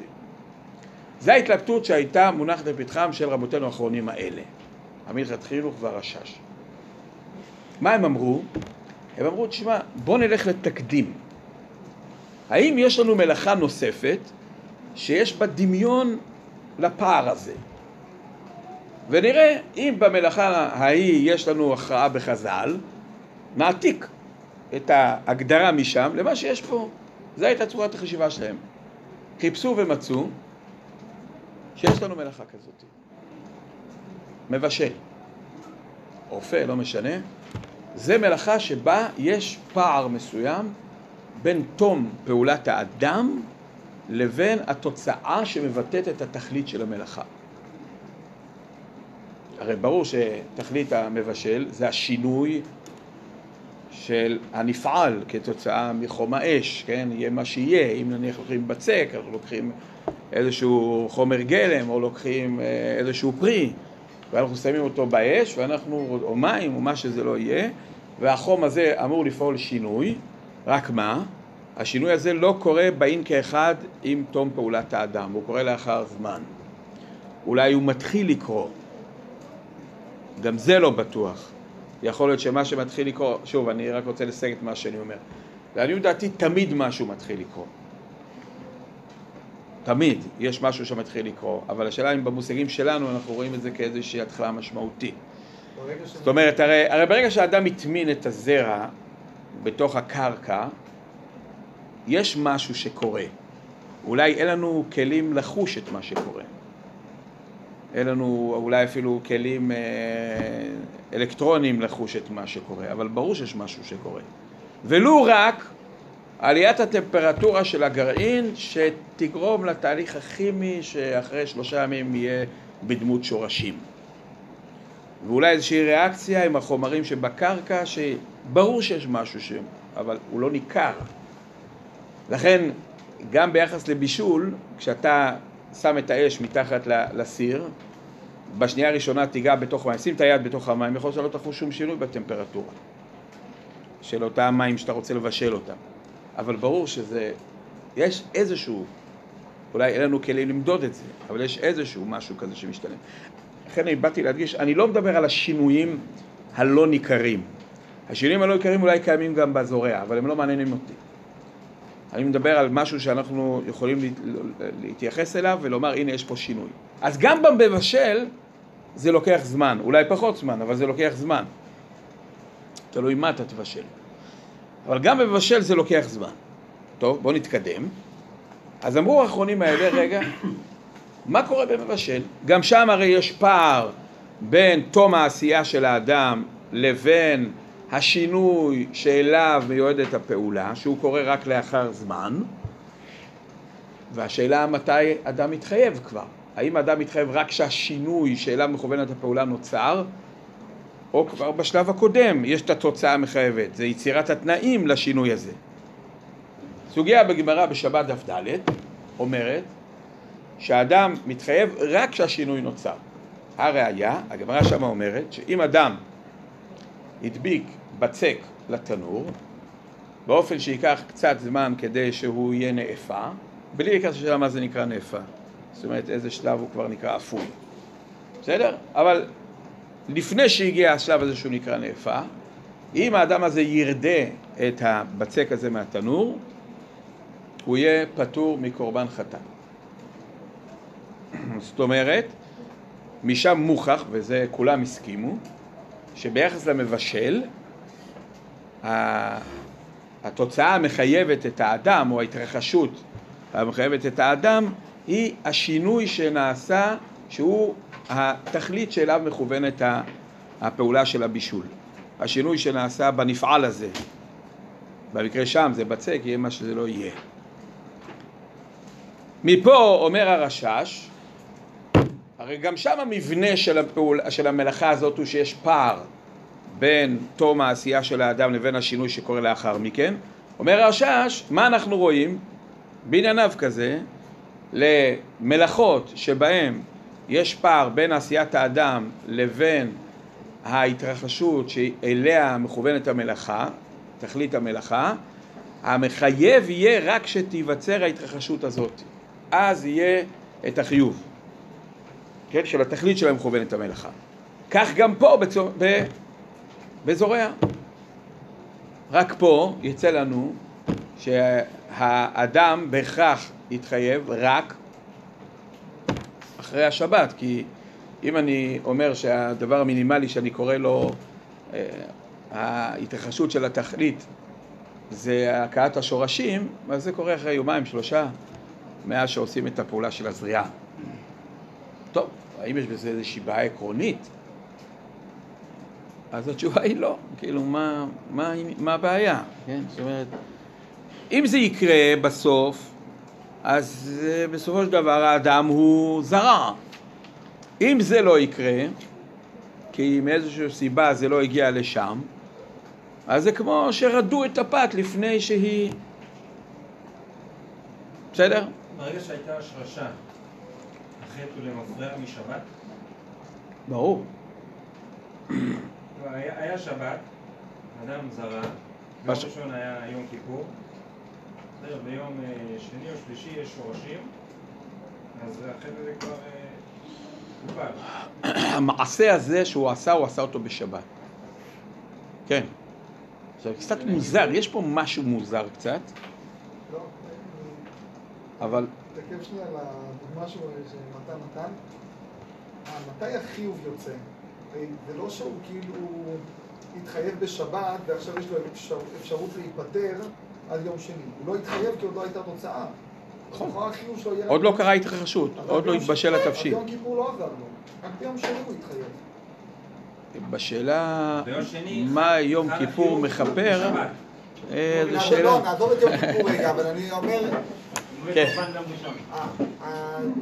החיוב חטאת שלו, זה לא שעכשיו אם הוא, הוא התחייב כבר בשבת, ועכשיו יש לו אפשרות להיפטר עד להשרשה. החיוב יהיה רק ביום שני. נכון. החיוב בפועל יהיה ביום שני, באופן שסיבת החיוב, אבל אני חושב שזה יהיה למפרע. התברר למפרע שהוא התחייב כבר בשבת. כן, זה יהיה למפרע. כלומר, חלות החיוב למפרע תהיה בשבת. כמו אדם שערך עץ ולקח יומיים עד שזה פגע במישהו, ואז ברור שהחיוב חל ברגע שזה פגע במישהו. זה לא כל כך דומה. שם המעשה שלו לא יסתיים עד שזה יפגע. פה המעשה של האדם יסתיים בתוך השבת. המעשה שלא יסתיים ברגע שהורדתי את האצבע מהקשת? לא. המעשה שלך מסתיים רק אז. כי מה שעכשיו אתה עושה זה... זה בעצם, הכוח שלך מלווה את החץ הזה. מה ההבדל בין הגרביטציה והרוח שעוזרת לחץ לא, זה לא משנה, אבל זה בעצם ההגדרה. שם אתה לא תתחייב, אלא אם כן אנחנו רואים את הכוח שלך כ... זה לא אותו דבר, אני חושב. זה קשור לנו כסף הזה על אישום שום חיצה ומדליק נרות.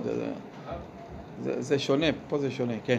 זה גם נוכח בכתובות, לגבי הסוגיה שכאילו לבדירה במין, שאדם לא רכב ותוך כדי גם אה, קורע דגל בגד חברו, הוא מחייב חלה, שהוא את השבת, הוא לא מחייב על הקריאה של החבר שלו. נכון, כי לגבי כלב דרבה מיני, זה... אנחנו מתייחסים ל... להמשך של הפעולה שלו, כן? הוא עדיין כאילו לא נגמרה הפעולה שלו, כן? אתה רוצה להוכיח שעדיין לא נגמרה הפעולה שלו, שהוא בתוך העשייה. כן, לא חושב שאתה רוצה להגיד? כן. טוב, בוא נתקדם, שנייה. אני רק רוצה לחדד איזושהי נקודה. אני רק אומר את ההשלכה. מה אמר המנחת חינוך? אמר לא נכון. במבשל זה נכון, פה זה לא נכון. עכשיו אני רוצה קודם כל להתחיל ביחס למבשל. המבשל זה, זה, אה, זה דוגמה שכתובה בגמרא, חז"ל אומרים את זה. ננסה להבין למה באמת זאת הייתה הכרעה. למה באמת חז"ל הכריעו, שהמב... הרי גם שם יש את ההתלבטות הזאת. שאם אתה הולך אחרי העשייה של האדם, בתום העשייה עדיין אין, אין, אין שום תוצאה, ו- א- א- אין שום שינוי שהוא התכלית של המלאכה, יש תמיד תוצאה, כן? אין שום שינוי שהוא התכלית של המלאכה, ולכן אנחנו נמתין עד שיקרה השינוי שהוא תכלית המלאכה, ורק אז אני מגדיר את, ה, את האדם כ, כמתחייב. למה באמת לא לומר שכבר קודם לכן? בתום העשייה המעשית של האדם, כבר נחייב אותו. כי נחייב אותו, תשאלו על מה אני מחייב אותו? על זה שהוא יצר את התנאים להתבשלות. למה פשוט לגבי המבשל שאני צריך את הבישול בפועל? לדעתי, התשובה היא, כי כך העולם מסתכלים על זה. זאת אומרת, קח את הבן אדם שהוא לא ח"כים ולא טיפש, ותשאל אותו, תגיד, אמרו לי לבשל, והנחתי על האש והלכתי, זה בסדר? הוא לך, לא. מה זאת אומרת? אתה צריך לבשל, אתה צריך, אתה צריך, אתה צריך לחכות שזה יתבשל. אבל אתה אומר לו, אין לי מה לעשות. אתן לכם עוד דוגמה. נניח שהאימא של ראובן אומרת לו, ראובן, בוא תעשה חביתה. אז ראובן לוקח את הביצה עם השמן, שופך על המחבת שמתחת יש אש והולך. כי יודעים מה קרה אחרי כמה דקות. אז אמא שלו באה, אומרת לו, ראובן, תגיד לי, מה, אתה בסדר? אמרתי לך לבשל. אז הוא אומר, מה אתה רוצה שאני אעשה? מה אני... אני שמתי? האש היא מבשלת. זאת אומרת, ברור בתפיסה הפשוטה של אופן עשיית הפעולה של בישול באדם, שבני האדם נשארים עד יצירת התוצאה. למה? למה? למה? למה? למה? למה הם נשארים יצירת התוצאה? בני אדם רגילים ללוות את הפעולה, למרות שיכול להיות שאין להם מה לעשות. הם נשארים להשגיח, ובמידת הצורך גם לטפל.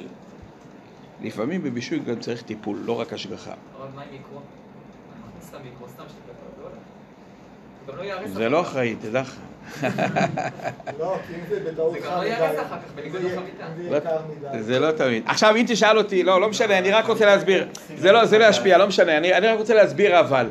יכול להיות שאני אמרתי להשגיח, כי בני אדם לא רוצים לשחק באש. דבר שני, גם לטפל. כי לפעמים צריך להוסיף תבלינים, לפעמים צריך להעמיד תבלינים, לפעמים צריך להפוך את הצד, לפעמים צריך לשים פה, לשים שם, גם לטפל. תכלס, בגלל הסיבות של ההשגחה והטיפול, בגלל זה בני אדם רואים את עצמם כלא סיימו את הבישול עד שמתרחש השינוי. עכשיו, תשאלו, בני אדם נשארים עד הסוף, אז למה אתה אומר לנו בן דרוסאי? זה לא קשור לדיון שלנו. כי הדיון בשאלה אם זה בן דרוסאי או יותר, זה מה השינוי שאנחנו מגדירים אותו כבר כבישול משמעותי לעניין חיוב בשבת. זה הדיון אם זה בן דרוסאי או יותר. אנחנו דנים בשאלה אחרת. למה במצב של בישול, שלכאורה לאדם אין לו כבר מה לעשות, את כל השאר עושה האש, למה חז"ל אמרו שאנחנו מחייבים אותו רק כשיתרחש השינוי בתבשיל, בדבר המתבשל, ולא רק בתום הפעולה שלו. התשובה היא כי בני אדם לא רואים את עצמם כמסיימים, רק הסברנו מה גורם לבני אדם לא רואים את העניין כנסתיים מבחינתם, כי הם ככה מתנהלים שהם גם משגיחים וגם מטפלים עד שקורה השינוי. לא כן. שיש לשון שזה ממש כתוב בה. הוא משתמש בלשון נקרא בשם. יש חילוק בשלמה, מבשל או אופק מר האפייה או הבישול נקרא בשם אפייה או בישול, אבל קודם שנאכל לא נקרא בשם אפייה כלל, אף נתן לתוך התנור. בלשון זריעה, חל תכף כשמנפץ הזרע על גב. כן, זה מה שהוא מתכוון, מה זה? זה כאילו ליחס של בני אדם. כן, כן. עכשיו, בוא נעבור. זה לכאורה הסיבה שבגללה חכמים באו והגדירו את, ה, את העניין הזה ככה ביחס לבישול. אם זה היה השיקול... למה שלא נעשה עוד צעד ונאמר שאתה לא תתחייב עד שתוריד את זה מהאש? לא, בוודאי שלא, מה? מה זה קשור? ההורדה מהאש היא לא, היא לא הבישול. כן. הבישול זה מה שהאש פועלת על הדבר. ההורדה מהאש זה מניעת פעולה יתרה, אתה יכול להגיד. אם אני אבל עכשיו אקח חתיכת בצק ואזרוק אותה... שוב, שוב, בישול זה לא הכנת אוכל. בישול זה פעולה של האדם עושה מעשה שהתוצאה ממנו, שההתרחשות ממנו זה שאש פועלת על דבר מסוים. זה ההתרחשות. זה שאתה מוריד מעל העז זה בגלל שאתה רוצה למנוע פעולה יתרה. אבל לא, לא, זה לא המלאכה. בסדר? בוא נתקדם. בוא נתקדם. האם זורע דומה לזה? אם מה שגרם לחז"ל, וזה הדבר היחיד שאני מעלה בדעתי, שגורם ל, לתפוס את זה כ, כ, באופן הזה, האם זורע דומה לזה? בין זורע לבין מבשל יש, אני חושב, שלושה הבדלים. הבדל אחד, הייתי קורא לו בוודאות של התוצאה. זאת אומרת, אה, חז"ל כבר אמרו את זה, מאמין בחיי עולמים וזורע. אבל לא אמרו מאמין בחיי עולמים ומבשל. הוודאות של התוצאה, זה אחד. בבישול זה די תוצאה שהיא ביד האדם, זאת אומרת, יש ודאות שמיד בתום הפעולה יהיה את התוצאה. בזורע זה פחות, אם כי זה קרוב לוודאי. כשיודעים לזרוע זה יהיה קרוב לוודאי. למרות שבזריעות שאני זוכר שעשיתי מהגן, רובן לא הלכו. לא עבד, אבל... אה, מה, עם האבוקדו? כן, עם האבוקדו וכל זה. רובם לא, לא, היה ככה כמה הצלחות, אני לא יודע להגיד לכם באחוזים, אבל... מזל יש שלא בחר קריירה אחרת. יש את הצמר גפן עם ה- זה, השעורית, עם השעורית, כן. זה כבר... זה יותר מוצלח, כן, זה יותר טוב. כן. לא, משהו אחר קצת. טוב, אז יש הבדל גם במהירות של, ה, של התוצאה. זאת אומרת, בבישול זה די מהר מתחילים לראות את השינוי בדבר המתבשל. זאת אומרת, לפחות מבחינת עליית החום שלו, זאת אומרת, שינוי ניכרים יחסית מהר לעשיית האדם יחסית לשינויים הניכרים ב... ודבר נוסף, מה שאמרנו, זה שבני אדם, אה, הוא עומד עליהם, כן? גם אחרי שהם עושים את, את החלק שלהם בבישול, הם עדיין, כן, משגיחים ומטפלים, מה שאין כן בזריעה. אני חושב ששלושת הנקודות האלו ביחד זה ודאי גורמות לומר, קודם כל, הוכחה מבישול אין, רק השאלה אם הפער הזה הוא כבר פער מספיק גדול כדי להגיד, שמע, זה עולם אחר. ובאמת אני חושב שבתפיסה של בני אדם, בזריעה, אם אתה שואל את הבן אדם מתי הוא סיים לזרוע, זה ברגע שהוא שם את. זה בתוך הקרקע. עכשיו תשאל אותו, אבל רגע, כל התכלית שלך זה שזה יצמח, ו... בסדר, נכון, את השלב הזה סיימתי, עכשיו, עכשיו ניתן לקדוש ברוך הוא. זאת אומרת, גם בתפיסה של בני אדם, כנראה, בגלל שלושת הסיבות האלו שאמרנו, אני לא רואה סיבה אחת יותר אה, שהיא, שהיא לא נכונה. זה בצירוף של שלושתם, זה רק ניתוח כאילו מה עומד בתפיסה, ביסוד התפיסה שלנו. בני אדם רואים את עצמם כמסיימים את הזריעה כבר בחיבור. נכון שזה מכוון ליצור תוצאה, נכון שזה מכוון ליצור תוצאה, אבל בעצם מבחינת פעולת האדם והעשייה שלו, התפיסה הפשוטה שפה נגמר, נגמרת העשייה. אז אם נגדיר עכשיו לפי זה, אז איך בני אדם, בהגדרה קצת יותר מופשטת, רואים את התוצאה או ההתרחשות שהיא בעצם עשיית האדם בזורע, אז התוצאה בזורע היא יצירת התנאים המאפשרים את הצמיחה. יצירת תנאים שמאפשרים את הצמיחה. זה בעצם מה שיצא לנו על פי מה שאנחנו אומרים. זה לכאורה הסברה פשוטה, זה נראה פשטות תמיד מלכתחילה. זה כנראה גם הלשון שלו. איפה זה? ברש צדיק משהו, לא? כן, כן. בסדר?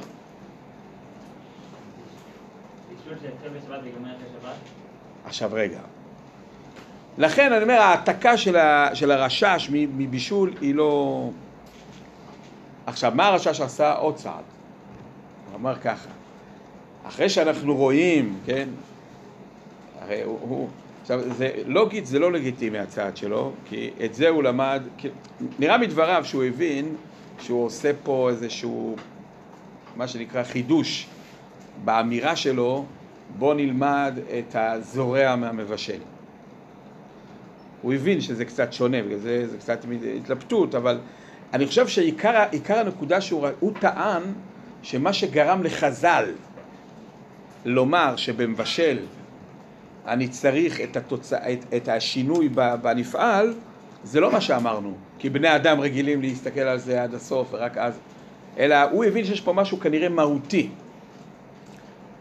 שכשיש לנו פעולה שמכוונת ליצור איזושהי תכלית, תוצאה מסוימת, אז עד שלא תתרחש לו תוצאה, הפעולה היא חסרת משמעות עדיין. הוא הבין שזה משהו מהותי, הוא ידע את כל החילוקים שאנחנו אומרים, אבל הוא טען שהם לא רלוונטיים, הם לא הגורם בכלל. מה, ש, מה שגרם לחז"ל להגיד שבמבשל אני צריך שתהיה ההתרחשות שהיא התוצאה, בנפעל, כלומר שיתחיל להתבשל פה משהו, זה, זה עניין עקרוני, שכשיש עשייה שמכוונת לתכלית, זה עיקר המשמעות של העשייה. אם לא התחילה להיווצר התכלית באיזשהו שיעור מסוים של חשיבות, לא עשית. כן? לב העשייה חסר פה. לב המעשה חסר פה. זאת הסיבה. אז הוא אומר, כל מה שאמרתם זה נכון, אבל זה לא מה שגרם לחז"ל לחשוב על זה באופן הזה. עכשיו, אם זה ככה, אז מובן למה הוא מרשה לעצמו להעתיק את זה לזורע. זה מובן.